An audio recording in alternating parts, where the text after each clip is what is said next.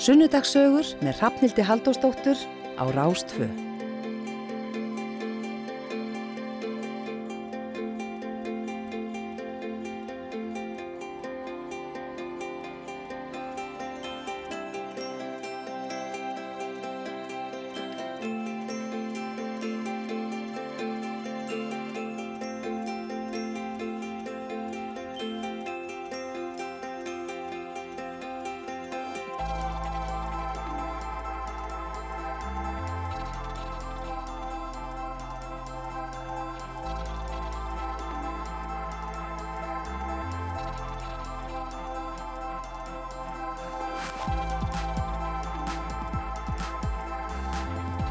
Komið sæl og blessuð og velkomin í sunnudagssögurnar og gleðileg jólin og allt það. 29. desember í dag og uh, sunnudagssögurnar á sínum, sínum stað. Og uh, ég vona að þessi hefur búin að hafa það gott yfir jólin og nú styrtist bara í næstu hátíð, tveir dagar í, í gamlástægin, þannig að þetta er svona þessi tími. Og við ætlum að uh, vera saman í dag, það koma til mín tveir gestir og Fyrirgesturinn, hann heitir Hermundur Sigmundsson og er prófessor og, og býr og starfar í Noregi og uh, gaf sér tíma til að uh, líta til mín á svona, já, þegar hann kemur heim til Íslands eins og vennilega um jólinn og við ætlum að ræða við hann um, um, um líf hans og starf og fjölskyldu og písakönnanir og ímislegt fleira. Hermundur skrifur oft greinar í blöð, hefur sendt frá sér fullt af alls konar vísendagreinum og bókum og, og hérna það verður áhugavert að heyri honum á, á eftir og setni gæstu minn, hún heitir Halla Hrund Lóðadóttir og hún er líka heima á Íslandi í jólafríi en hún stýrir miðstöð Norðurslóða við Harvard Háskóla í Cambridge í, í Boston og uh, við ætlum að heyra sögu hennar uh, í þættinum í dag og hún verður hér strax eftir klukkan 2 Þannig að það eru áhugaverðir gestir í sunnudasögun dagsins en eins og vennilega þá byrjum við á tónlist og hér er Jónas Sig og lag sem heitir Höldum áfram.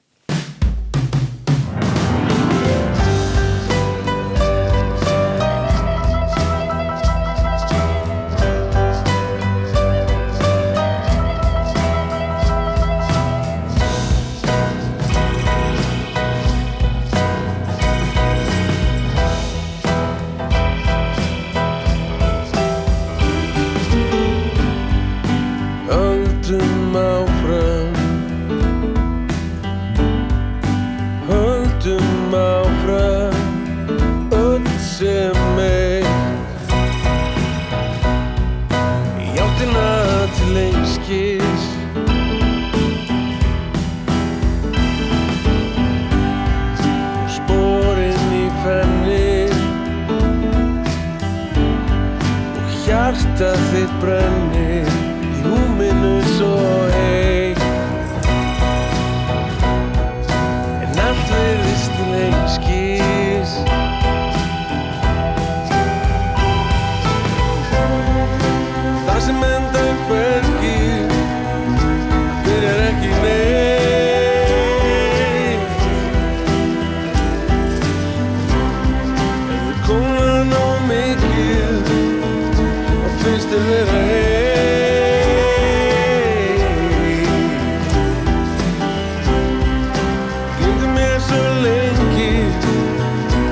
hugsa núna um mig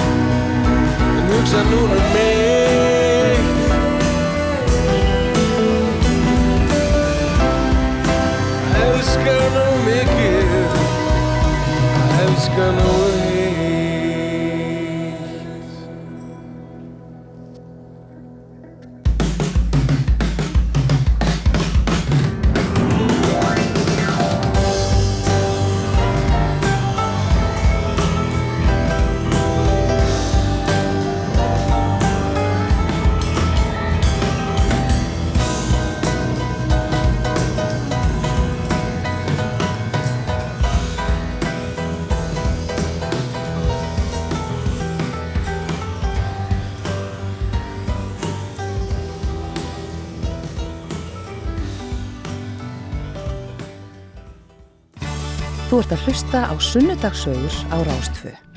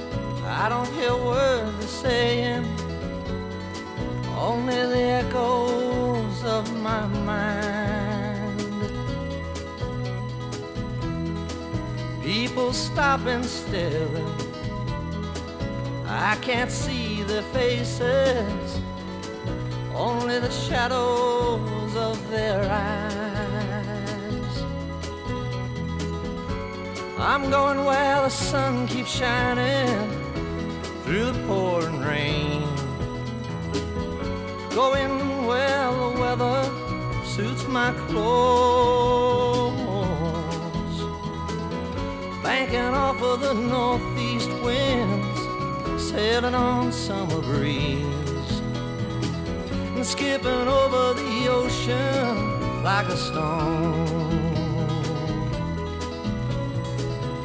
I'm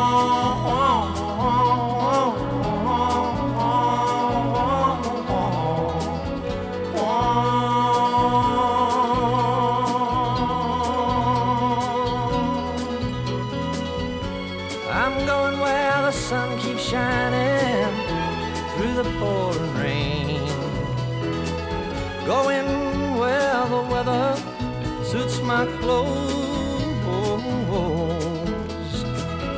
Banking off of the northeast winds, sailing on summer breeze, and skipping over the ocean like a stone. Everybody's talking at me. Can't hear a word they're saying. Only the echoes of my mind. I won't let you leave my love behind.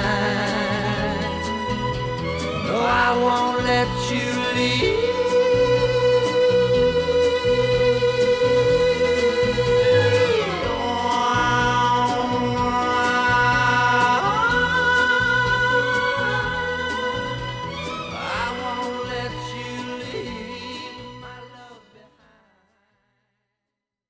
Hann er komið til mín, hann Hermundur Sigmundsson sem er prófessor, takkið nú eftir, í lífeðlisfræðilegri sálfræði, býr og starfar í þrámteimi og við lesum nú stundu greinar eftir því Hermundur, þú duglegur að, að hérna láti þér heyra þó að þú búir í, í Noregi en velkomin Takk er það. og gleðileg jól. Það sem við þess.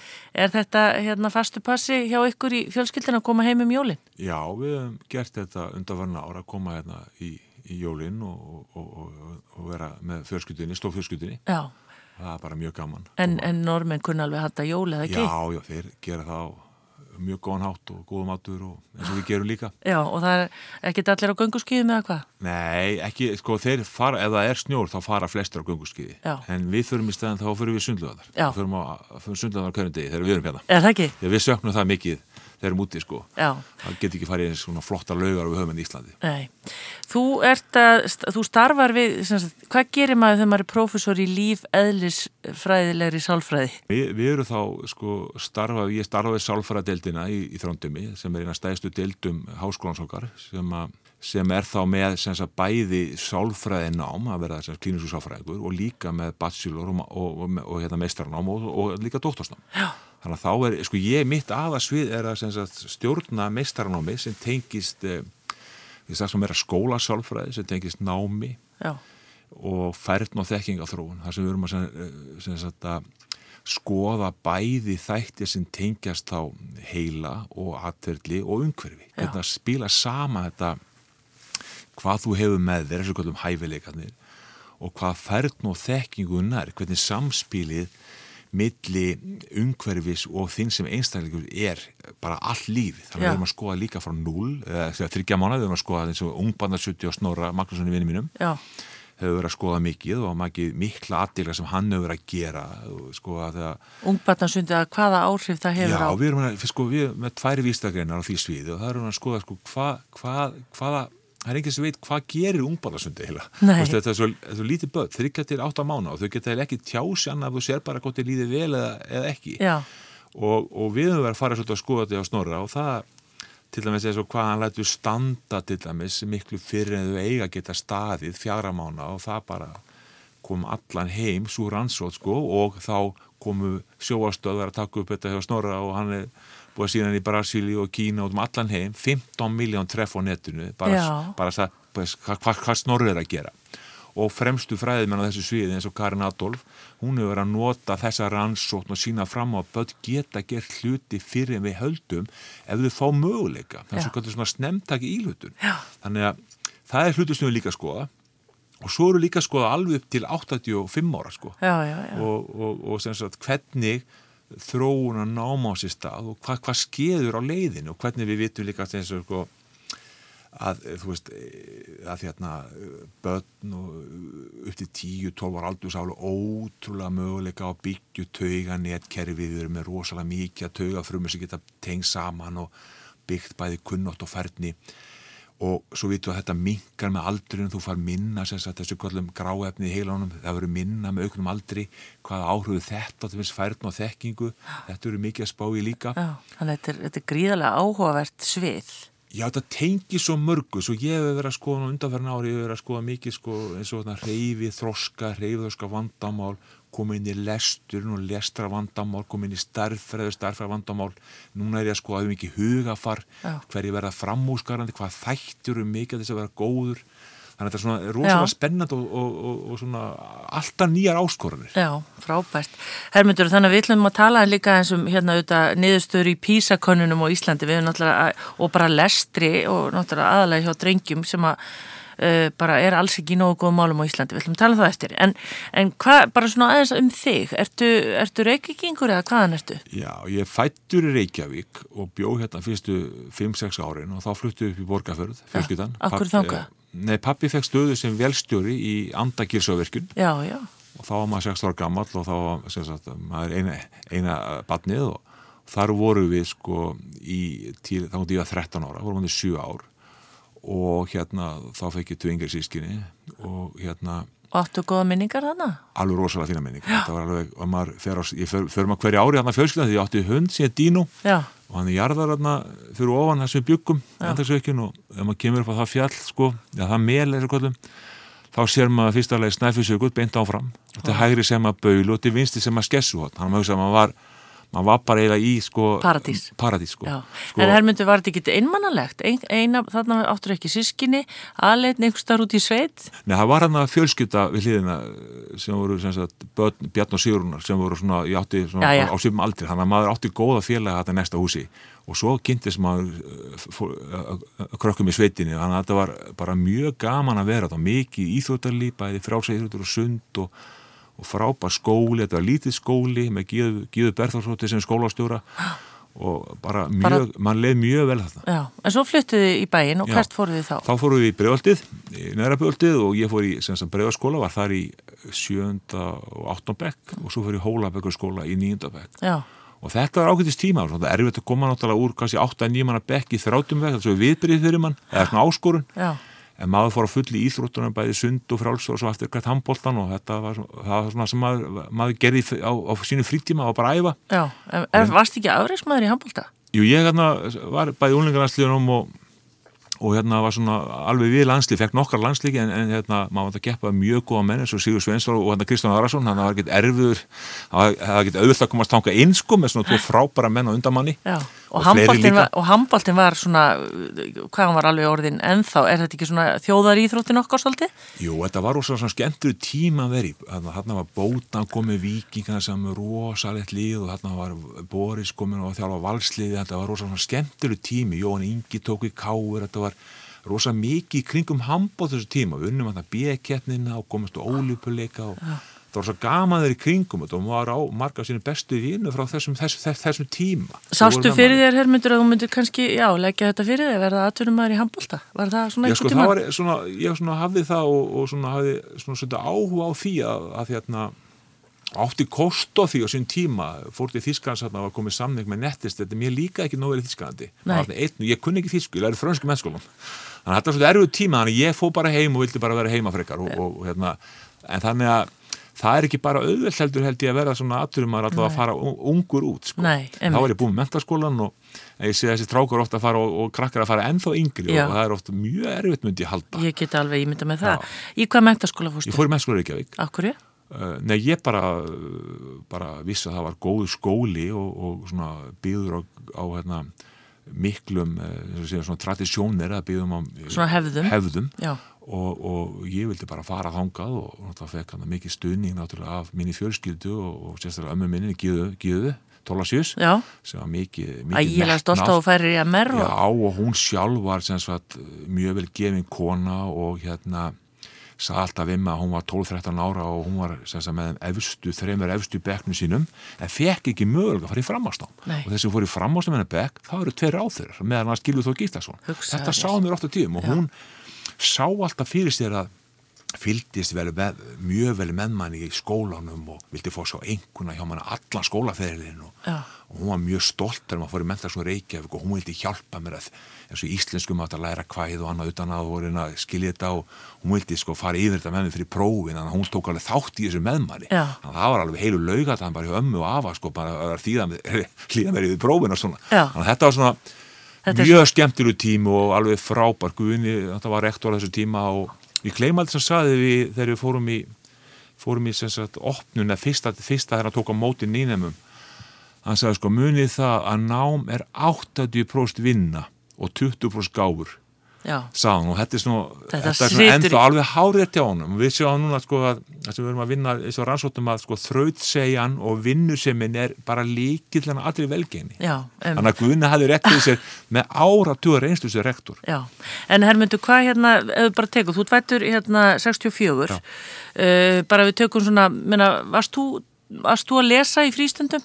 Til dæmis? Já, það var ekkert annað að gera sko, þessu tíma en að lesa í leg sko, var, þannig ég var að segja aftur krakkana minna sko, ég byrjaði að vinna 12 ára, var 12 ára sem sagt uh, 76, þá var ég uh, sundlagur upp í uh, hrepslög. Og þá var ég að vinna það frá kannski þegar lögin opnaði 7-8 til 4 þá var önnur sem tók við sem eftir með á kvöldin. Já. og þá var hérna svona bókasafsins að umgæðarferðarsins, íslendings það var í næsta herbyggi, þannig að það er að var lítið að gera þá náðum maður í bækur, maður ég held að lesa hérna halva halva bókasafna þessu tíma, þessu, þetta sumar Þannig að ég las gífurlega mikið sem, sem batn og úlingur og Er þetta ekki bara, þú veist, ég veit að þetta er aðsnæli spurning kannski, en hefur þetta ekki bara rosalega mikið að segja fyrir svona nám almennt að vera, sagt, duglegur að lesa? Jú, er það ekki grunnurinn einhvern veginn? Alveg þessi, og maður sér það þessi þjálfur náttúrulega ekki líkir aðri og maður þekkar þess að þjálfur bara frá fyrsta degi þegar maður var læs og það var gífurlega áherslu að það að verða læs og maður fekk alla þá aðstöðu sem maður fekk bæði frá skólunum og sínum fóröldurum og, og ömmunum sínum að, að hjálpa hann að lesa og metnaði að lesa og svo bara var, fund, fund, funduðu bækur sem pössuðu fyrir mann og, og maður var fann að lesa veist, eins og blöðið mikla á íþróttum og maður var að lesa manni í morgurblæðið og bara þegar maður ungu sko. Þannig að maður las skífulega mikið og ennþá sittur maður í minni bækur sem maður las á þessu tíma sem sittir ennþá maður sem svona flottar, skemmtilega bækur og maður las sumar ofta en einu sinni þegar það voru svo skemmtilegar. En hvað hérna, eftir stúdisprók varstu þá hérna búin að ákveða eitthvað neina ákveða svið þú ætlaði að fara? Já, ég hafði alltaf svona einst inni gífulegan áhuga á því að fara í íþróttakennara ná, íþróttafræðina það var svona það sem var svona mín svona, svona virkilega áhuga svið lág. Og ég eða var aðna tímamótum þá var tvítur alltaf að vara semst í aturmönsku til nettisett í Þískalandi og, og var á set, komið tilbaka meðan að, um, Ágúst var að setna sækja um íþjóðkjörnskóla þá, það var tekið um tökjara fresti. Þannig að ég hugsa að, að hvað getur maður gert að ég komast inn núna?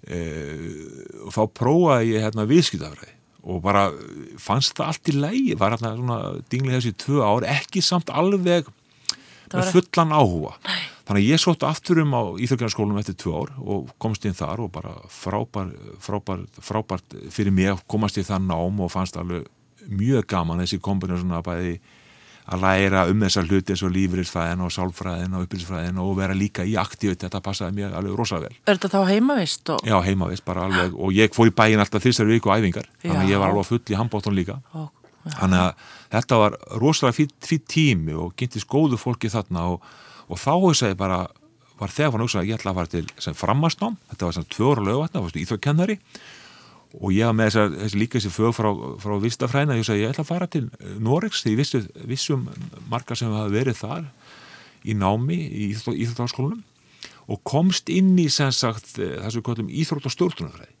og hugurðu þá að svona kannski að fara bara eitt ár til Norex og taka það og koma sér heima og kannski að vinna í Íþróttasamband eða handbóttasamband, ég sá alveg fyrir mig að geta unni við svona Íþróttastjórnun mér fannst það svolítið spennandi líka sko. En akkur er Noregur? Var það eitthvað, voru þeir framalega þá? Nei, ég átti aðna goða vini eins og Örn Ólafsson og fleiri sem voru og Þóri Hergesson sem voru í hérna námiðar í Íþjóðarskólum og vissi það var svona vel tekið á móti þarna og það voru svona ágæðin grúpa af ístýðingum í þeim skóla sem var frábær skóli í Íþjóðarskólum Oslo bara songsvæði eitthvað þekkir Oslo það bara stórkostið umhverfi, þetta er bara við songsvann og það er þetta hlaupa þarna kringum vatni, það eru tré kringum allt og alveg frábær íþjóttastað öll að, aðstöðunum þart og það eru allir sem eru þarna, bæði kennararnir og nefndunni er bara að læra íþjóttafræði þannig að þetta var alveg stórkostið umhverfi að, að, að komast í, maður fór að æfa hverjum degi maður var í, gæti farið í líftingakleðvan eða farið í sundluðin eða fimmleika herbyggið, bara hvað viltu fara í? Já. Sem stúdent þarna Já. og bara rosalega fínt umhverfi bæði, bæði félagslega og hérna. Og þannig Hermundi, þú sást alltaf fyrir þér og ætlaði bara að vera í eitt ár og þetta er, og það er sko Þetta var 88 Vá. Þannig að þetta var langu tími. Já. og síðan, síðan fekk ég tilbúðum að vera þjálfari upp í bótu í Hambólda, sem spilandi þjálfari sem að þá var nýv og tvö. Og þá var spilning hvað geti ég tekið þegar þá var svona kandmagra, þá var fjögur ára mentun þá segja ég, herðu ég tek þá það sem kalla svona eh, stjórnun í svona í offentlega gerum, í sagt, eh, stjórnun um, sem kalla kultur og íturisforvaltning það er bæði stjórnun í menningarheiminum já. og íþjóttaheiminum þannig að tók það ár þar með að þjálfa var í bótu. Já.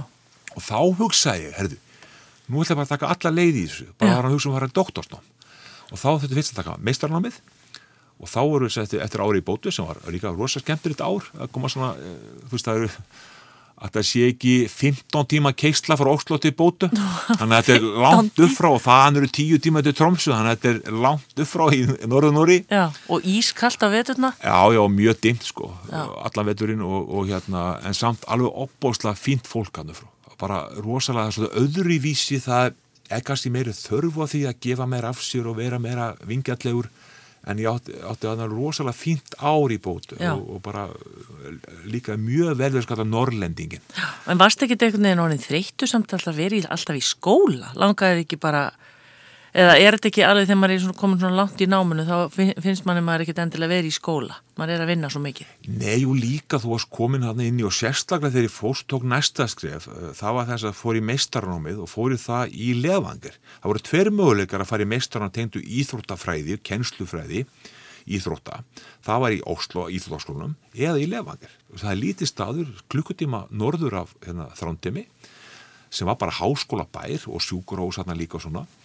var og það, þeir höfðu sem sagt meistarnám í Íþjóttafræði skástu í kennslufræði. Og ég sóttum að báðum og komst inn þar og fekk líka þjálfun. Hann ég var þjálfur, þjálfur bæði kvennalið sem var level 2 eh, og kallalið var spilin þjálfur í kallalið sem level 3 það bara gekk mjög versið þjálfur og var á fulli náminu. Og þá fer ég svona að fá virkilega á því að Íþjóttafræði er náttúrulega er náttúrulega þetta, þetta, þetta, þetta er nám sem byggist bæði á lífeylisfræði þetta byggist á uh, sálfræði og svona meira uppbættisfræði skástug félagsfræði. Og þá fekk ég gífulegan áhuga á svona sálfræðilegum þáttum íþróttafræðinar og kennslufræðinar sem sagt hvernig læru við akkur, eh, akkur sumir sem ekki ná að læra hafa ykkur vandamál hvað er það sem að getur háð þeim? Er það eitthvað tengt áhuga er það tengt eitthvað svona sem tengist meira e, eitthvað sem kannski eitthvað sem tengist eitthvað líkamlega, já, líkamlega hæfileikum. Já. þannig að og fór alveg að kafi það í mínu meistarnámi svona það sem tengdi svona það sem kallu færni versus vali. Þú veist að aukin færni getur þá gefið meiri valmöðuleika þannig að ég er búin að vera alveg síðan 1990 á þessu sviðin sem við kalla nám og færnitrón þessu skemmtilegt. og þar getur þessi líka kenningunni að það mátt að velja eigi pensum. Og það valdi ég pensum eftir Sissimihali sem er komið rosalega flott að kenningum flæði 1975 wow. og ég er búin að vera svona með þá kenningu alltaf með mér alla tíð. Og það er svo gaman að ég skrifa bók eða geri bók hérna 2008 og fekk Sissimihali sem þá var 75 ára gama til þess að hérna, skrifa í kapli bókina um nám og flæði Já. sem var rosalega stoltur af því hann er hérna stæðstinn hann er þess að kannski ekki fyrst þessi komið þetta jákaðu sálfræðina og hann er gífulega mikið kenning upp á þetta samspil áskoruna og færni mm -hmm. og þetta er bara leikil aðri öllu svona fástið og hann segir alltaf kveikjum neistan í gegnum smá áskoranir sem að eru áhugasamar Já. Og leiðum að kemur inn í þess að skapa eitthvað sem fólki finnst gaman að það gefur svo mikið orgu Mm -hmm. og þetta er það sem hún var að hafa með mér allan tíma sem þjálfari, sem kennari og öllu sem ég fengist við. Þannig að þetta er gaman, svo, svo að segja þess að sumar í oktober þegar árið síðan þá er einn hérna ungverð stúlka sem er að kenna upp í Rauðhóla hennar leikskólinum og hún er búin að fá að þú þekkti aðstókonans í ungverðlandi, búin að fá hann til Íslands Sissi Mihali, Já. sem er 84 ára gammal hann komið upp, á, upp, á, hérna, upp í hérna, Gullhamara, þetta fyrirlustu eru 300 manns og ég var svo heppin að ég vissi hver hann var og þekkt hann og gegnum þessar bækur sem hann var með í og svona að mér var bara búið að vera með í öllu sem hann var með og við tókum lönn sama hérna og koma fyrirlustur hans og, og það var opast að gama að vera að hitta hann loksins Já. það var stort mómentur í mig sko Já. Og, og hann að þú veist að eins og ég segja hann er Þannig að þú ert búin að vera, ég sé bara Hermundur, þú ert að tala um þetta, þú ert einhvern veginn bara þetta er bara lífið þitt, þú, þú brennur fyrir þetta. Já, eins og mamma segir stundu þegar ég kemur í Ísland þá mikið, sko ég er náttúrulega mikið að hitta fólk og með fyrirlestra og tala við og kenna og svona þegar ég kem heim og, mamma segir stundu með ekki, ekki, ekki, ekki þreyttur hemmið, er ekki takað róli svo, mamma, ég er að gera svo skemmtilega hluti, ég er, sko, er ekki þreyttur. Nei, þú brennur fyrir þetta. Já, og maður, sko þegar maður finnur sitt svona áhuga svið þá er maður aldrei í vinnunni. Ég er aldrei í vinnunni, ég get þess að vera að skrifa eitthvað á kvöldin, allir, allir eru sopna bara tekja klukkutum að skrifa eitthvað eða vakna snemma mótnana og fara að gera eitthvað skilju ég, ég er ekki í vinnunni. Nei. og eitthvað sem hefur, þú skrifa peistla og í, í morgubæða núna og, og Hvena gerur þetta eiginlega? Já, sko, hvena gerur það og hérna hvað farið fyrir því? Nei, ég farið ekkit fyrir þetta mér finnst bara, gaman að stunda miðlun Já. og þetta gerir bara svona tíma aflöð þá skrifa ég pistil, sko Hvað hérna, uh, varstu á þessum tíma alltaf einn eða varstu búin að finna þér lífsförunutin? Já, ég fann sko, maður var það einhverjum samböndum en maður, ég kynntist konu minn í lefangir. E, þá var ég semst að þjálfa semst e, handbóttaliði hjá, hjá stelpunum í Nívo 2 mm. og hún var að spila með, kom að spila level 3 liðinu. Það fyrst ekki að ég sá hana og hún mm. var mjög góð í handbóttaliði. Ég spurði, akkur kemur þú ekki að æðum okkur í, í lið, aðaliðinu? Nei, var, þá var hún í hjóluröðum, landsleismanns í hjóluröðum. Hún var bara... Og hún er norsk. Hún norsk, já. já. Og semst að við erum búin að þá sama síðan 91 og eigum þrjú börn og Heitir hún? Heitir Mónika. Já, hún? Hún er profesor líka, hún er sagt, bæði íþjóttafræðingur og súkaþráðari og fór svo framhansnám og tók doktorsnám innan meira tentu kennslufræði og uppbyrðsfræði. Þannig ég veit alveg um hvað þið eru að tala. Já, við vinnum mikið saman, við vorum að sjá um daginn einhvern veginn við erum með 32 vístakirna saman. Já. Það vunni mjög vel saman og uh, útvöld ykkur annar mjög vel líka í vísindunum. Mjög, við erum með doktorsnemma saman og hefum höfum ferðu saman rástefnur og, og eigum alveg rosalega fína vini gegnum vísinda starfsemi og við, nokkur bestu vinum er í Ítali, Verona, er kona sem við kynntum og búið að halda félagstöðuna 2011 og við erum bara að fara að hafa sama félagstöðuna þetta er svona námskið sem við erum með þau eru með svona masterskráðu hérna í Verona. Við vorum að fara út síðan 2011 og Patrís hefur komið til okkar ofta hennar maður Ég elskar Verona, rosa... indisle borg. Já, hann hefur á hverju, við erum alltaf hann að viku á hverju einasta vori í april-mæ auðmingja þið og förum alltaf smá svona stundutúrin í eh, fenni og stundutöku ef þetta er kringum páskana þá tökum við viku ferðarla innan Ítalju og nú er að fara aftur núna í, í fjóruð april, þá tökum við viku til að fara til Já. tökum bara hérna flugmeða frá Verónatni eftir Sicily Já, til Sikilegar Já, já, já. Ertu, finnst þér aðeins verið að tapa íslenskunni? Sko Ekki það ég heyri það sko Nei, bara... það er náttúrulega sko, eftir öll þessi ár úti þá er, er sum orð sem er erfitt að finna fyrir Já, mig. Svona að ég skrifa pistlan og fæ af góða menn til þess að kíkja yfir svona íslenskuna, Já, bara að það sé nú í lægi sko. En börnin ykkar, hver eru þau?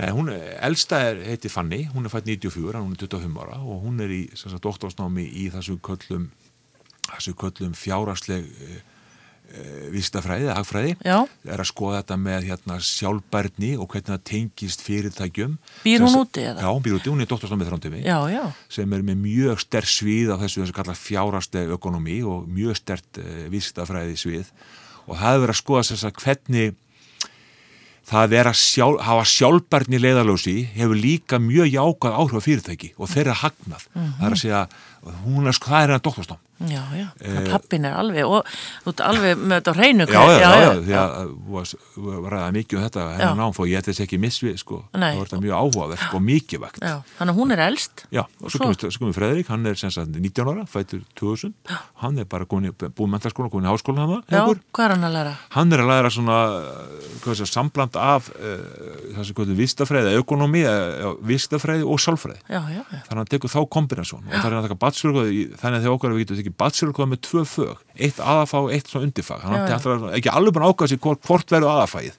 hann er svona aðeins að spá í þetta já Og svo er, Svo yngsta Fríða, hún byrjaði hann í mentaskóla í, í, í höst, hún er 16 og hún er komin hann í já, sem einum af svona bestu mentaskóla í þrándumi, það Já, er svona mjög erfitt að komast inn í hann og hún komast þar inn og er mjög ánað þar. en eru þið þegar þú komið svona til Íslands, eru þá allir með eða? Já, það kom allir með í Íslands. Og allir í sund? Allir í sund, það er bara leiðu komið, það er bara að fara í sundlöðina. Það er bara, og hvaða sundlega vera fyrir valinu? Nei, við förum átt að vera í Garðabænum, förum mikið í Garðabæn og svo förum mikið í bæði lögadagslaugina, vestubæðlaugina og laugin út á, á Seltanesi. Og, er bara, og er verið að synda hermundur? Já, sko, ég, ég hleyp alltaf, hleyp og svo sund. Uh, Misaka þau gera, sumi fara að fá þessi kort í vorklass og svo fara það bara í lauginu eftir. Uh, og svo er misa hvað, alltaf eitthvað, eitthvað íþróttur svo er farið sund. Já, að veluna sem er sem- já, sundinu. já. En hérna, Hermundur, hvað, þú talar væntalega, eða fjölskyldan, þið, þið talar væntalega saman, á hvað tungumáli talið þið saman?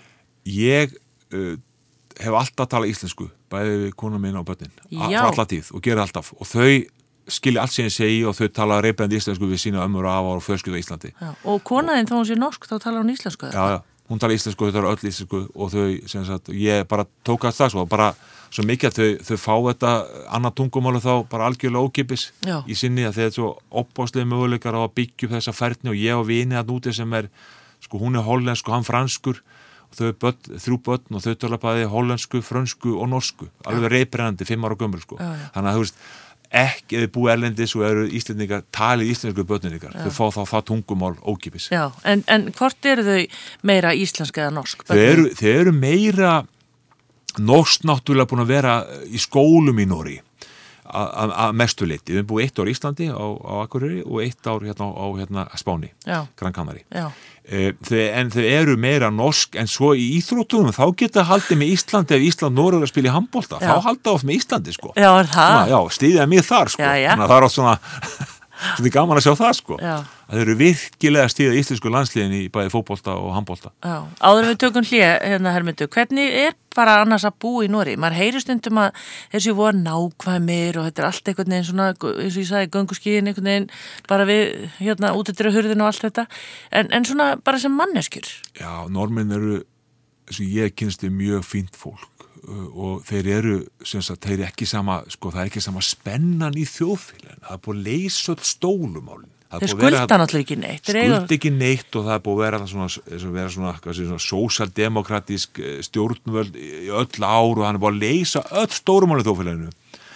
Og þeir eru meira næjusamir þeir eru ekki, sko, náttúrulega þeir flytja svolítið svo mikið, það er svo kannski vin, besti vinni minn, hann kemur frá, sko, þess að Norðunóri, hann hafði kannski heim tvisar árin, hann er búin að búið í þrándemi í 20 ár, sko, Já, já. þannig að það er meiri fjarlæða á milli það sem kom og, og, og það sem bú oft á tíðum. Já, en þeir eru rosalega næjusamir og þeir eru duglegir. Hvað er að vera næjusamir? Hvernig þá? Nei, sko, svo þeir, þeir eru ekki að eins og þegar ég frétti á að komið hérna DFDS-spilar, ég hef ekki heyrt um það.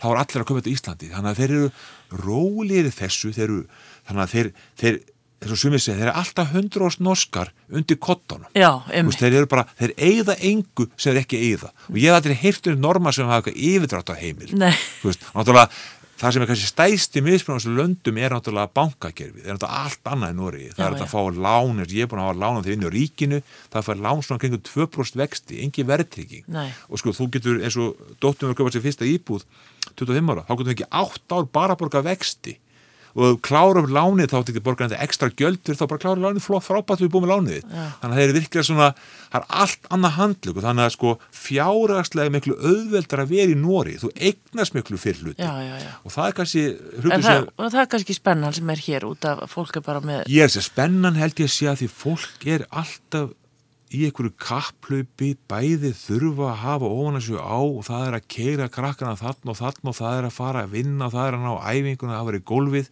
Þú veist, í normiðan mar margur heimhálf fjögur fjögur sko, Já. sko sumurinn er þrjú. Sko ef við vinnum hjá sko, flest fyrirtæki þannig að búðir eitthvað opnaði að loka sunnundum búðir. Já, ennþá. Þann- Já, ennþá, það er ekkert verið að tala um það að opnaði sunnundum þannig að þú veist, og það er ein, tvær bú, búðakjöðu sem var lítið hluta búðana til þess að kaupa matur þú getur sko- skotið sinni í eina búð þarna Já. og fengið að vantar eitthvað. En hér er allt opið á sunnudum þannig að laugat að Nóri þess að við með krakkan og yngri þá var bara, nú fyrir á bókasafnið það var bara tekið strætunni í bæ. Þess að er þetta á bílasta og kosta mikið. Þú veist, maður að borga, var ekki eins og búm eða svona, Já. var á stassunar leiðinni til þess að borgi gegnum þess að gera bílinn. Þannig að maður tók strætu bara þauðskiptan það að fara á bókasafnið, vali bækur setja á þessi kakó og svona kanilbóla Já. þetta við leður lögutum, ef við höfum möguleika á því ef við erum ekki handbóltaðingar eða leikir þannig að þú veist, Getum við ekki lært eitthvað? Maður hugsa sko ekki það, við erum líka frábær en vá hvað við getum eitthvað samt lært Já, af sko, það er sko, eins og ég segi, hvernig líkar hefur þetta nú, ég segi, ef þið líkar að vera með konunin og börnunin og nánustu fjölskyldu, þá er frábært er Nóri.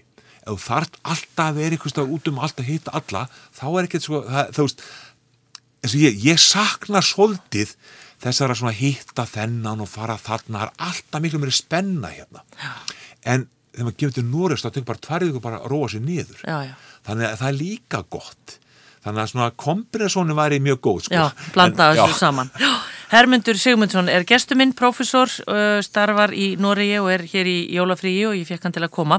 Við ætlum að taka örstu klið og svo ætlum við að tala aðeins um lesturinn og auðvitað písakönnun og aðeins að því að ég veit að Hermundur hann er búin að skoða þetta og er kannski með einhverja hugmyndu hvers vegna staðan okkar er ekki betri en hún er. Látum ekki vatnajökul vera einu virku eldstöðina þessi áramót. Láttu allar helstu eldstöðvar Íslands nötra á hlaðinu heima hjá þér. Flugeldar við allra hæfi á verði fyrir alla. Gullborg bíltshöfða átján. Lægsta verðið á áramótakalkuninum er í verslunum Netto, aðeins 1198 krónur kílóið. Netto. Bergþóra Skarpjöðinsdóttir feitir frá sér kúlum sem springa í rauðar og grænar brakandi glitrandi stjörnur. Þá byrjar ballið, síning sem engan svíkur, en er Bergþóra drengur góður. Kraftmiklar kappatertur í öllum gerðum. Flugaldamarkaðir Björgunarsveitana. Við kveðjum gamla árið með stæl og fögnum nýju ári. Verðu þú með besta partí ársins. Í Hókus Pókus færðu allt fyrir áramótapartíið. Hattar, kórónur, skraut og blöðrur. Ykkar skemmtun, okkar fókus. Hókus Pókus, lögavegi, hókuspókus.is. Það er ekkert partí án salgætis. Þristur er hinn fullkomna þrenna, himnest, súkulaði, dúnmjúk karamella og einstaklega bræðgóðu lakrís. Það er nöðsilegt að hafa nóg af þristum. Þú þart ekki að fara lengra en í næstu krambúð. Þar færðu allt sem þig vantar í gott áramótapartí. Krambúðin, opnum snemma, lokum seint. Hókus pókus, krambúðin og þristur. Því þú átt skilið gott partí. Gullöld Sveiflunar Björgvin Frans Gíslason, KK og Stína Ágústóttir verða gestir Stórsveitar Reykjavíkur á áramótatónleikum ársins í Hörpu 5. janúar. Þú ert að hlusta á sunnudagsögur á Rástfö. Hann er gestur minn, hann Hermundur Sigmundsson, profesor. Hermundur, áðurum við tölum um písakannanir og lestrarkunnótt og eitthvað, þá ætlum ég að spyrja, þú ert að syngja í hljómsveit og þú ert mikill áhuga maður um tónlist. Já, Hvað heitir hljómsveitin? Hljómsveitin heitir svona skemmtur nafni, það er alltaf bara að með einn mann sem að uh, við köttum Íslanding og normennu leikna sér líka, Leifur Eiríksson. Bandi var bara að heita Leifur Eiríksson, þá bara eru við hérna, bæðið svona normenn og Íslandingar vilja eiga hann. Þannig að bandi heitir það og við erum búin að vera nokkri í bandinu síðustu árin og ég hef alltaf rosalega gaman að svona perku, svona litlum trommum á allar litla trommur, bara og búin að vera í því Já. og syngja líka, þess mjög gaman að syngja Og hvernig tónlist er það að syngja? Nei, við erum að syngja alls konar tónlist bæði, bæði íslenslög sem ég kem með til þeirra uh, og, og svo bara erriðlög, það getur verið svona meira svona, svona, í svona pop-sangerinn sko Já, er þið, er þú eini íslendingurinn? Já, Já. Og, og hvað eru það að koma fram? Við, bara... við höfum verið sko ekki, við höfum aðalega verið svona uh, í kringum mitt, uh, mína uh, deil sko, það eru tveið þrý líka frá sálfaradeildinni. Og við verðum með svona þess að jóla eða jóla skemmtum þá verðum við þar sko. Og svo er kannski verið að að stúdenta þá verðum við þar. Já, já, en svo er svona sumarfest og þá verðum við mættir sko. Og svo er rosa gaman fengum við eitt frá New Zealandi Frá Nýjasjálandi? Já, já Nýjasjálandi sem er, sko, var að taka doktorskoði hjá okkur, frábær á fyrlu og frábær að syngja, hann hafði kom bara fyrlinn í bandi. Já, já, en skemmtileg. Og við varum að syngja lög eins og, eins og ég, það líka rosa vel, lögin að spöpa Mortens og, og hérna, eins og við varum að taka eins og... Þú sendið mér lag, þið takkið einhvern tíman eitthvað já. Hérna, svo ertu líka mikil áhuga með öðrum kvikmyndir, en við höfum ekki tíma til að tala um þetta alltaf, en það er bara, hérna, næsta viðtal. Hermundur, nú ætla ég að spyrja þig á mannamóli. Það var að koma sérst enn einn písakönnun og það var allt einhvern veginn svolítið vittlust í þjóðflæðinu í kjálfarið af því að niðurstöðunum voru bara alls ekki góðar og uh, eins og ég nefndi á þann að þá er náttúrulega sérstaklega hjá drengjum en bara almennt eru við bara ekki að standa okkur vel og hvað eru við að þínu mati að gera vittlust? Af hverju gengur okkur ekkit með þetta? Nei, ég tel það að við séum oft á tíðum með ágæti svona plön eða svona hvað við viljum gera Það sem aftur á móti maður sér miða við, þá miða með fremstu vístamenn eins og Eriksson, hvað þarf til að ná árangur í ykkur? Þá þarf þú að hafa fókuserað þjálfun á því sem vilt bæta og þú eru að fá eftirfylgni sem þú veit að nákvæmlega hvað þú vilt bæta og þú eru að veit að nákvæmlega hvernig gengum að Jóa og hvernig gengum að Óla og hvernig gengum að Gunnu. Þú voru að fylgja því eftir hvar þú standa miða þá færni sem þú vill læra. Þau geti ekki gert það sjálf krakkaðir. Ég er að vinna í háskóla, þau geti ekki verið bara í uppgötunanámi í háskóla. Þau verið að fylgja um eftir. Bestu nefndu mínir í mestarnámi er þess að koma ofta að ræða málinn, senda með texta, ég lesa niður, ekki með eftirfylgni, geða þeim viðbröð við því sem að gera. Ertu þá að segja að við séum ekki að gera þetta nógu vel? Ég, sko, þarna sem við mætum krökkunum, það er í skólunum. Við verðum að fara að skoða betur hvort það sé nógu mikill fókus á þau fög sem að ef við segjum að písa sé mikilvæg, þá þurfum við að leggja gífurlega áherslu á þessi fög í byrjum skólanám. Skólan, bara allan grunnskólan. Já. Lestur, skrift, darfræði og náttúrufræði. Og þess vegna verðum við að koma fyrr inn með svo náttúrufræðina, þess að við, við erum afturlega meiri náttúru í þessu frábæra landi sem ætti að vera náttúrufræði ætti að vera okkar sterkasta svið. Ja. Við ættum virkilega að taka náttúrufræði umgjörðsvæði sem okkar stóra mikið af fag. Ja. Þess vegna vil ég að við, að, sagt, að við, að við sagt, á modnan í skólunum þá verðum við að hafa þætti eins og lestur, skrift, starffræða náttúrufræði sem aðal þauðin þrýsa sinni 40 mínútur á modnana pluss hreyfingu klukkutíma að því að reyfingin er með bara að kveikja öllu kerfinu. Það jákat fyrir heilastasemina, það jákat fyrir sjálfsmyndina, jákat fyrir velíðan og heilsu. Já. Við fá þessi fjögu fög á mótnan í skólan. Ég vil að við finnum nákvæmlega út hvað viljum við leggja áherslu á í þessum fögum og hvar stendur hver einstaklingur og það er það sem held ég að sé ábótavand að við vitum ekki alveg hvað er að skeið í skólunum, það er of frjálstóft á tíðum, hvað þeir gera, hvaða aðferða það er nota, er að nota mest viðekend þessu aðferða það í fögum sem eru mikið á þessu lesturinnum og við verðum að komast tanga fyrir að skoða hvað er að skeið í hverjum skóla.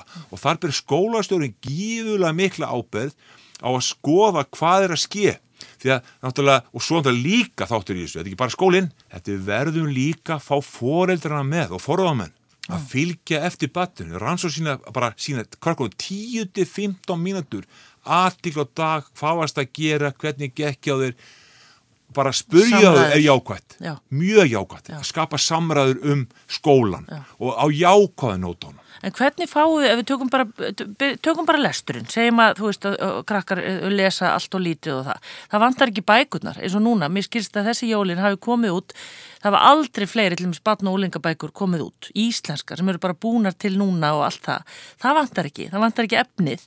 Af hverju, þú veist, og það er bara svo erfitt, ég veit að mörgum foreldrum, þau bara, þau bara vilja ekki lesa, þau vilja ekki lesa sér hérna til ánægi eða gags. Nei, þetta er náttúrulega áskorun fyrir marga að skapa þennan áhuga en það verður bara að reyna finna stund og tíma til fyrir þetta. Ég maður ég sjálfu þegar ég hafa með strákið minn, sko, 6 ára, 7 ára. Við fórum oft, þá var byggu í Íslandi, þá fórum við laugana, laugina klukkutíma, einn og halvan, fyrir kannski frá 5 til hálf 7, komum heim, borðum og svo fyrir lásum við. Þá var hann búin að róa sig að sniður og bara fýtt klári að lesa með mér og eða vinna með, með textan. Þannig að við þurfum að finna móment sem passar með þessa ekstra þjálfun sem þau þurfa að fá.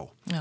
Og svo líka eins og ég áttur að benda á að í Nóri og Norðurlöndunum þá finnast þessa bækur sem eru þá með 11 erfileikasti sem þú finnur nákvæmlega það erfileikasti sem batni er á hvaða, og sko það er líklinn með að því sem ég hæli sína kenningar að finna réttu áskoruna og þá ekki bara ein bóka hverju erfileikasti það eru 20 bækur minnst. Mm -hmm. Það skulle valið 60 bækur meira fyrir stráka, 60 meira fyrir stelpur og 60 fyrir bæðikinin.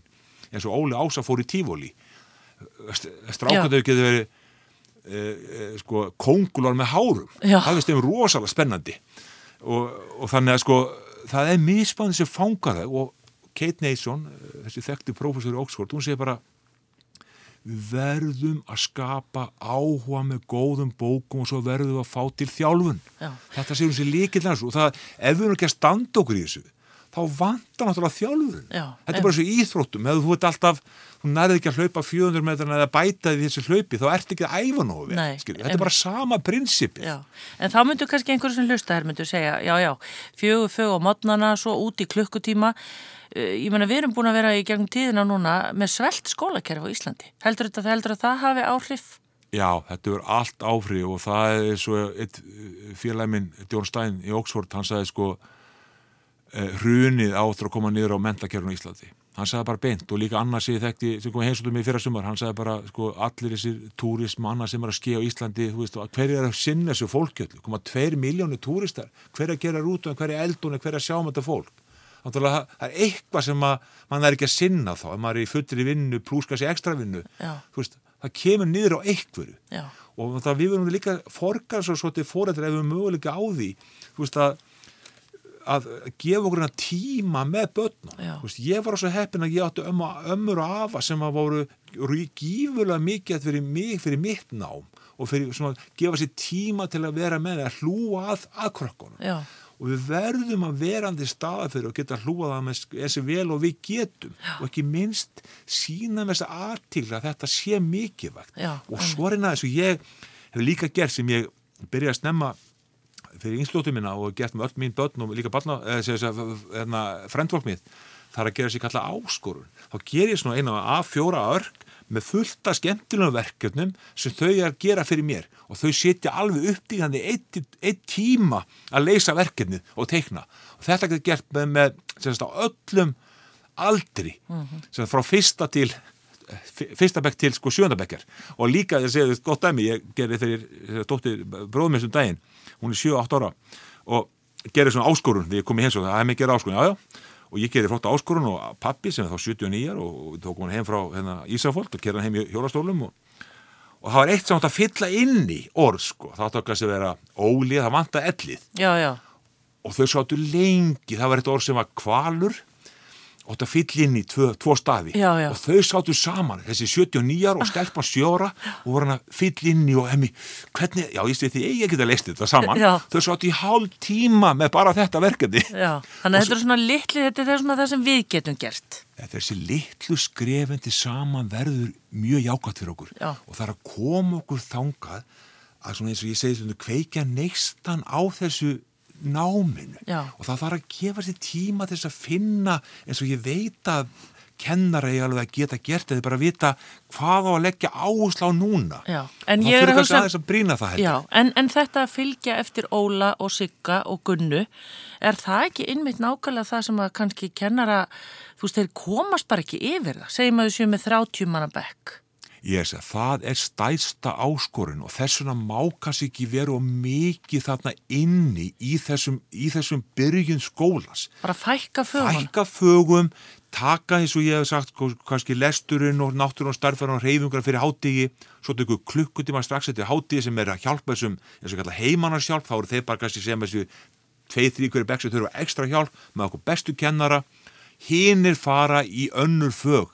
getur verið þvert á aldur, getur verið uh, skilu ólíka grúpusammansetningar en að vinna með verkefni, verkefni að vinna. Eins og ég bara dæmi dóttur mín að 12 ára gömul var þá með grúpu með 10, 11 og 12 ára krökkum voru sjö saman í grúpunni og þau voru með verkefni samana það endaði með rosalega flottu plakkatum hvað þið bjúa, hvað þið komu hvað trú hafa þeir, hvernig lifa og annað og hún man þetta ennþá 25 ára gömul, þetta verkefni Já. að vinna þannig og þetta er bara að nota hugmyndaflýð og það veit ég að fólk hefur en það þarf að vita bara hvað á að leggja áherslu á og fylgja eftir og svo þurfum við að nota okkar bestu kennara í því fög sem þeir eru bestir í Já. ef eitthvað er með starffræði áfanga starffræði nám í sínu kennaráminni að það fá þá að kenna starffræði þar sem hann er mjög góður í styrkja sig sterkurliðarnar hjá kennur nú líka Já, en Hermundur, þetta er það sem þú ert að segja. Er, ertu í raunin að gefa í skinn að við þurfum að taka skólakerfi svolítið til algerrar endurskoðunar?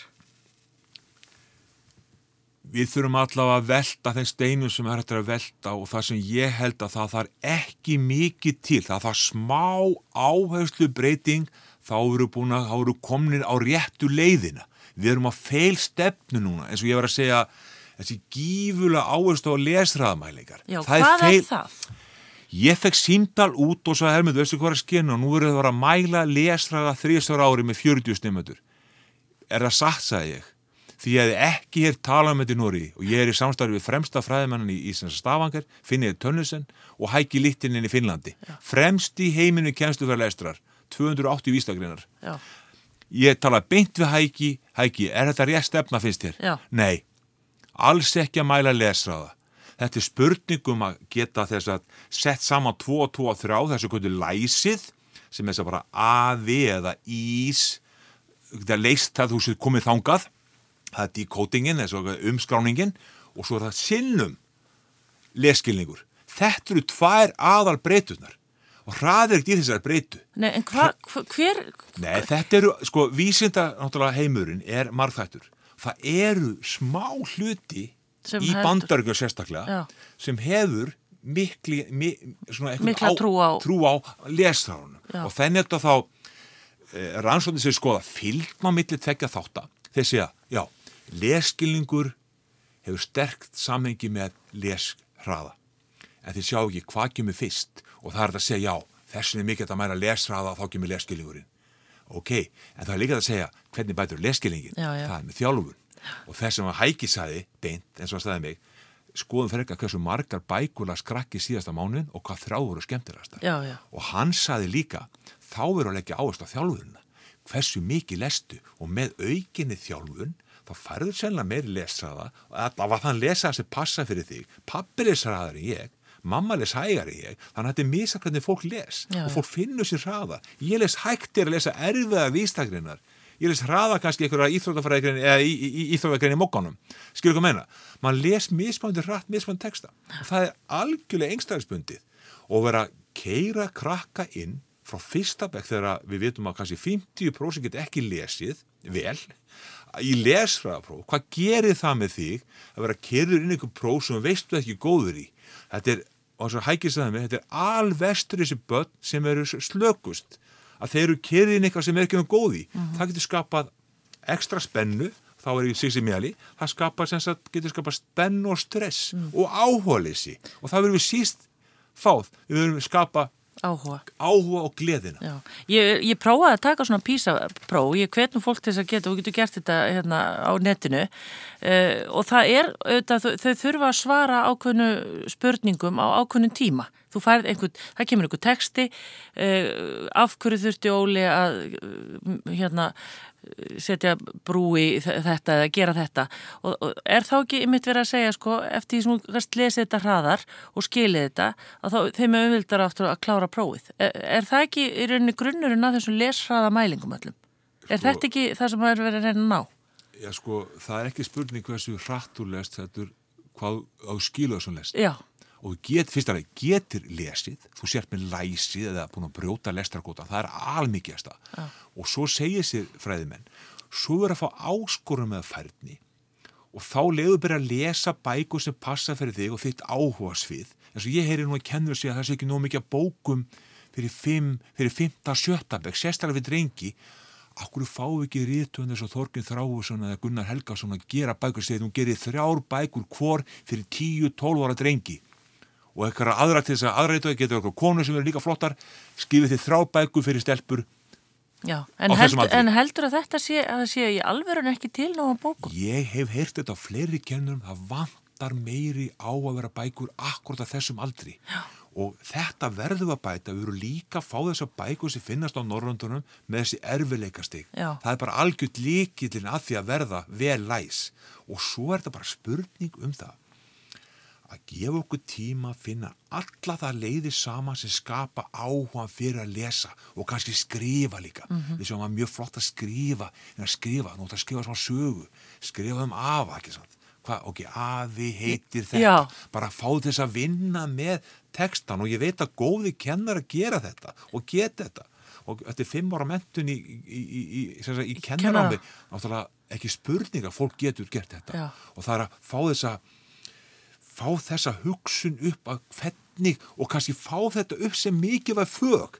Þú verður að byrja þar sko, í, sko ef við ætlum að bæta okkur í písa þá verður við að fara að taka þetta meira alvarlega og koma niður frá svo stóru plönum að við ætlum að vera best í heimi niður á faktisk hvað gerist í skólanum. Já, það er svona mitt, mitt ráð. Já, einmitt, ef þú bara ber saman að því nú ertu búin að vera alla bönn upp í Nóri og varst náttúrulega sjálfur í skóla hérna á Ísland og svona er rosalega mikill munur og, og það er svolítið vond kannski fyrir okkur að heyra eru við einhvern veginn lang, miklir eftirbátar af því stundum heyri maður þeir sem eru farið í skóla til í einhverjum öðrum löndum að þau þurfi bara nánast að býða þessu með einhver námsefni sem er verið að kenna hér er þetta einhver mýta eða hvernig ef þú berð þetta saman? Kannski, Já, ég, kannski erfitt að ja, þetta, er, þetta er mjög erfið spurning að ég sá strax það er miklu meiri spenna í skólanum hér. Það er meiri, eins og við vitum það er meiri agavandamál og það sýnir sér líka að við erum lengur að fá, fá agan og það er hlutverk líka fóruðarna og bara samfélagsins að skapa aga hjá grökkum og þessu þá klári í þetta, ég er að segja líka og fyrir okkur að fá hreyfingu að þú fáðu kappa af rannsvært út í Nóri félagin minn Róvingarsvein, það finnur bara hreyfingi fyrsta degi skólanstagsins skapa ró einbyrðu þrjá tíma eftir. Ja. þannig að við getum leist þetta með því að brjóta þessu skóladaginn. Það sem ég sé líka gífurlegu munur það er að í Nóri fundus þessa bækur. Aðal málið fyrstu 2-3 árun í skólanum var að læra að lesa og við áttum að hjálpa kennurunum og skólunum með það. Það var, eins og séum, við vorum all in Já. í því að hjálpa þeim. Við fengum þetta blað heim, skilja okkar bækur, krakkin las, við ætlum að ekki að lesa krossat á las tvisar í viku, þá okkur eitthvað nýja bók, ef hún voru nú góð, þá fyrir næsta erfilegastígi.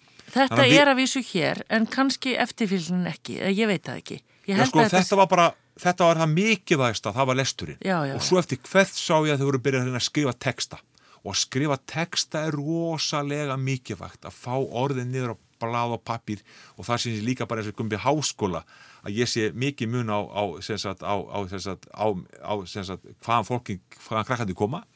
Ég sé líka að það er meiri vilji í Nóri að skrifa texta, þeir eru vöndi miklu meiri texta skrif frá efstu stuðum grunnskólas og alla mentarskólans dóttim var að byrja í nýju mentarskóli þrándi með núna 16 ára og það var bara í ennskunni tveir, fyrsta mánu, tveir essay, fimm síður annað um Brexit og hittum Boris Jónsson og hún bara, aaa, ég sagði, herru byrjaði bara og reynda að gera best að ég skal kíkja á þetta eftir en þú lærið af þessu. Og svo fekk hún mjána nú og fekk 5 af 6 nú í ennskunni Já. þannig að þú veist, þú, þessi vinna sem hún leggur í þetta, þessi eftirfylgni sem hún getur gefið, það gefur árangur. Og svo árangur gegnum þessa vinnu sem við leggjum í hlutina það gefur okkur ánæðu tilfinningu Já. og það passa vel við kenningu hjá sig sem ég Já. En Hermundur, bara í þínum heimi, þú náttúrulega bara innan um vísindamenn alla daga, er, þú veist, er Ísland orðið eitthvað bara svona, er fólk alveg byrjuð, hvað er að gerast þarna á Íslandi, varandi þessar písakannanir? Hvernig, hvernig er svona umræðan, ef þú ert bara alveg heiðalega með það? Já, sko, menn náttúrulega menn gúpluðu svo strax við hrunið Já. og náttúrulega þetta efnast ástand sem búið að vera hérna náttúrulega minkaði peninga til mentakerfisins og annað sko, þetta er náttúrulega búið að vera svolítið erfitt ástand, samt notu við mikið pening með mörgum löndi í mentakerfi Já. en menn sjá það bara allir þessi túrismi og þessi hérna, hefur áhrif á okkur og okkar, okkar, og, okkar samfélag. Að við erum að vinna og langa vinnudaga Já, og... já, já, við erum sko, þú veist að, náttúrulega við erum mjög sterk í jafnbreytti sem var alveg frábært en það er líka, veist, að kemur niður á einhverju, þú veist, það er engi tekið, þú veist, menn, ég, ég þetta íslenski menn vinni, ég þetta er mest í Európeiði hér, Já, sko, já. og það náttúrulega, sko, Það lætur eitthvað undan. Ég sé, og konundar líka konun á fullu og eins og að eiga, hafa möguleika á líka, al- algjörlega, en hver er að sjá um börni þá? Já. Veist, og það er það sem er svo mikið að við verðum að átt okkur á þessu hvað sem getur minkað vinnudeg, þú veist, nú er ég bara búin allir fjögur, maður er byrjað að borða okkur á fimm Já, og svo fara að æfa og með krakkanar æfingar og leika okkur út í göngutúra og skýði það, Já. er allt annað þannig, það er bara allir konin heim á fjögur. Þú Veist, það er allt annað þjóðfélag sem hefur þannig möguleika. Já, já. þetta er að vera að kera þess eftirvinnu alltaf eins og margir eru, alltaf í eftirvinnu, til selki með eftirvinna til þess að fá mannsamöndu laun. Já. það er bara að þú fær mannsamöndu laun fyrir 8-4 vinnu. Og kennara, það eru vel mettir í Nóri það er fínt að vera kennara í Nóri það er metið að verðleikum þetta mikið var starf. Og svo er að segja, herru, við fáum ekki fólkin í leikskóluna, skoða launið þeirra Hver er að vinna þarna stölu og vanti, vanti málþróun og krökkum, hver er að vinna í leikskólunum? Margir þarna útlendingar sem tala að bjaga íslensku. Já. hvernig að kakkan er að vera betri í íslensku þá? Þegar allt, það hangir allt saman. Og bæta þess að ég var líka á móti því að vera lengja kennaramendunna þú veist, akkur, akkur Akkur ekki að bara fá heldur meiri gæði í kennaramentuna og allaveg ekki lengja íþrókennaramentun og, hérna, og leikskólakennara. Veist, þetta getur við bara spólað tilbaka sér bara þrjú ár leikskólakennari, þrjú ár íþrókennari og svo þrjú ár kennari eða fjögur áskilur hvað það var? Já. og svo getur bætt við þau vilt sko. en bara þú hafir grunnkunnáttu í, í að vera kennari með þryggjára nám, bachelornám. Það finnst mér að vera mjög mikið. Það er bara þjófélagi ágöð þetta. Já.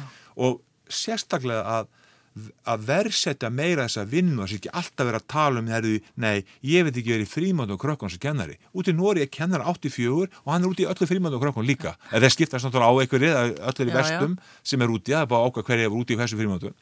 Og það er líka hluti af skólastarfum. Þú veist, hvað er mestu agavandamál og einettir? Það er í frímöndunum. Já, já, einmitt. Þannig að þú veist, og, Já.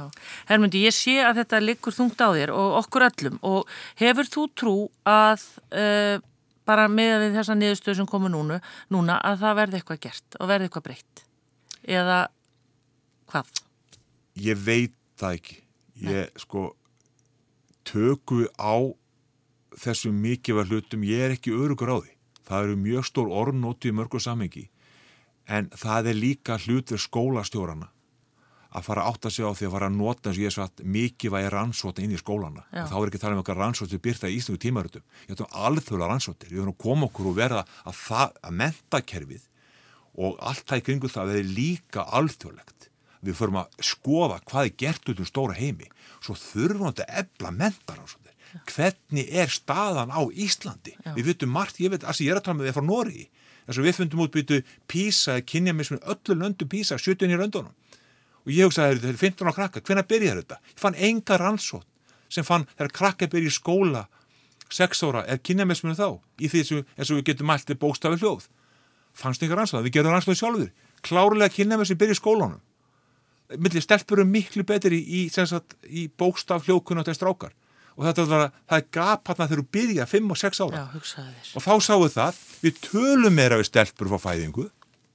Og, st og stelpur babla meira tíu mánuða en strákar þannig að þetta er samspil líka ég sé bara byrjum að tala við strákana meira en Já, við gerum já. og fáum mikla áherslu á málþroska og málþróun í leikskólunum og gerum það markvist kennum fólkinu nýbúnum okkur upp, upp í, hérna, upp í Efrabriðaldi kennum þeim íslensku frá fyrsta degi. Því að það er ekki spurning eins og við vorum inn á móti norsku Oslo, Oslo, Oslo, Oslo uh, bæjarfélaginu þar sem var rosalega stórt 800 mann sem búa þar við vorum að rákjafa þau, ég og vinni með rústöðskur fræðimæður til að segja hvað gerum við nýpu hana? Þú verður að kenna þeim í Norið til mest þá að kenna þeim norsku til þess að geti funkar í norsku skólum. Já. það samaður við að gera hérna. Verðum að kenna þeim íslensku einn fljótt og hægt er og vinna vel með það. Þau fá móðumáli heima eins og mýpöld fá íslenskunni heima. Þau eru góði norskunni sem er þá mikið til þau í norskun skóla. Já. þannig að þánga verður að koma líka. Þurfum að nota rannsóknir inn í skólakerfið og séum þekking fyrir betra samfélag. Já. það er með stikkorð Hermundur Sigmundsson, takk fyrir komin í sundarsögur nú letum við þau heyra það, takk fyrir komina Já, takk fyrir mig Rástvö,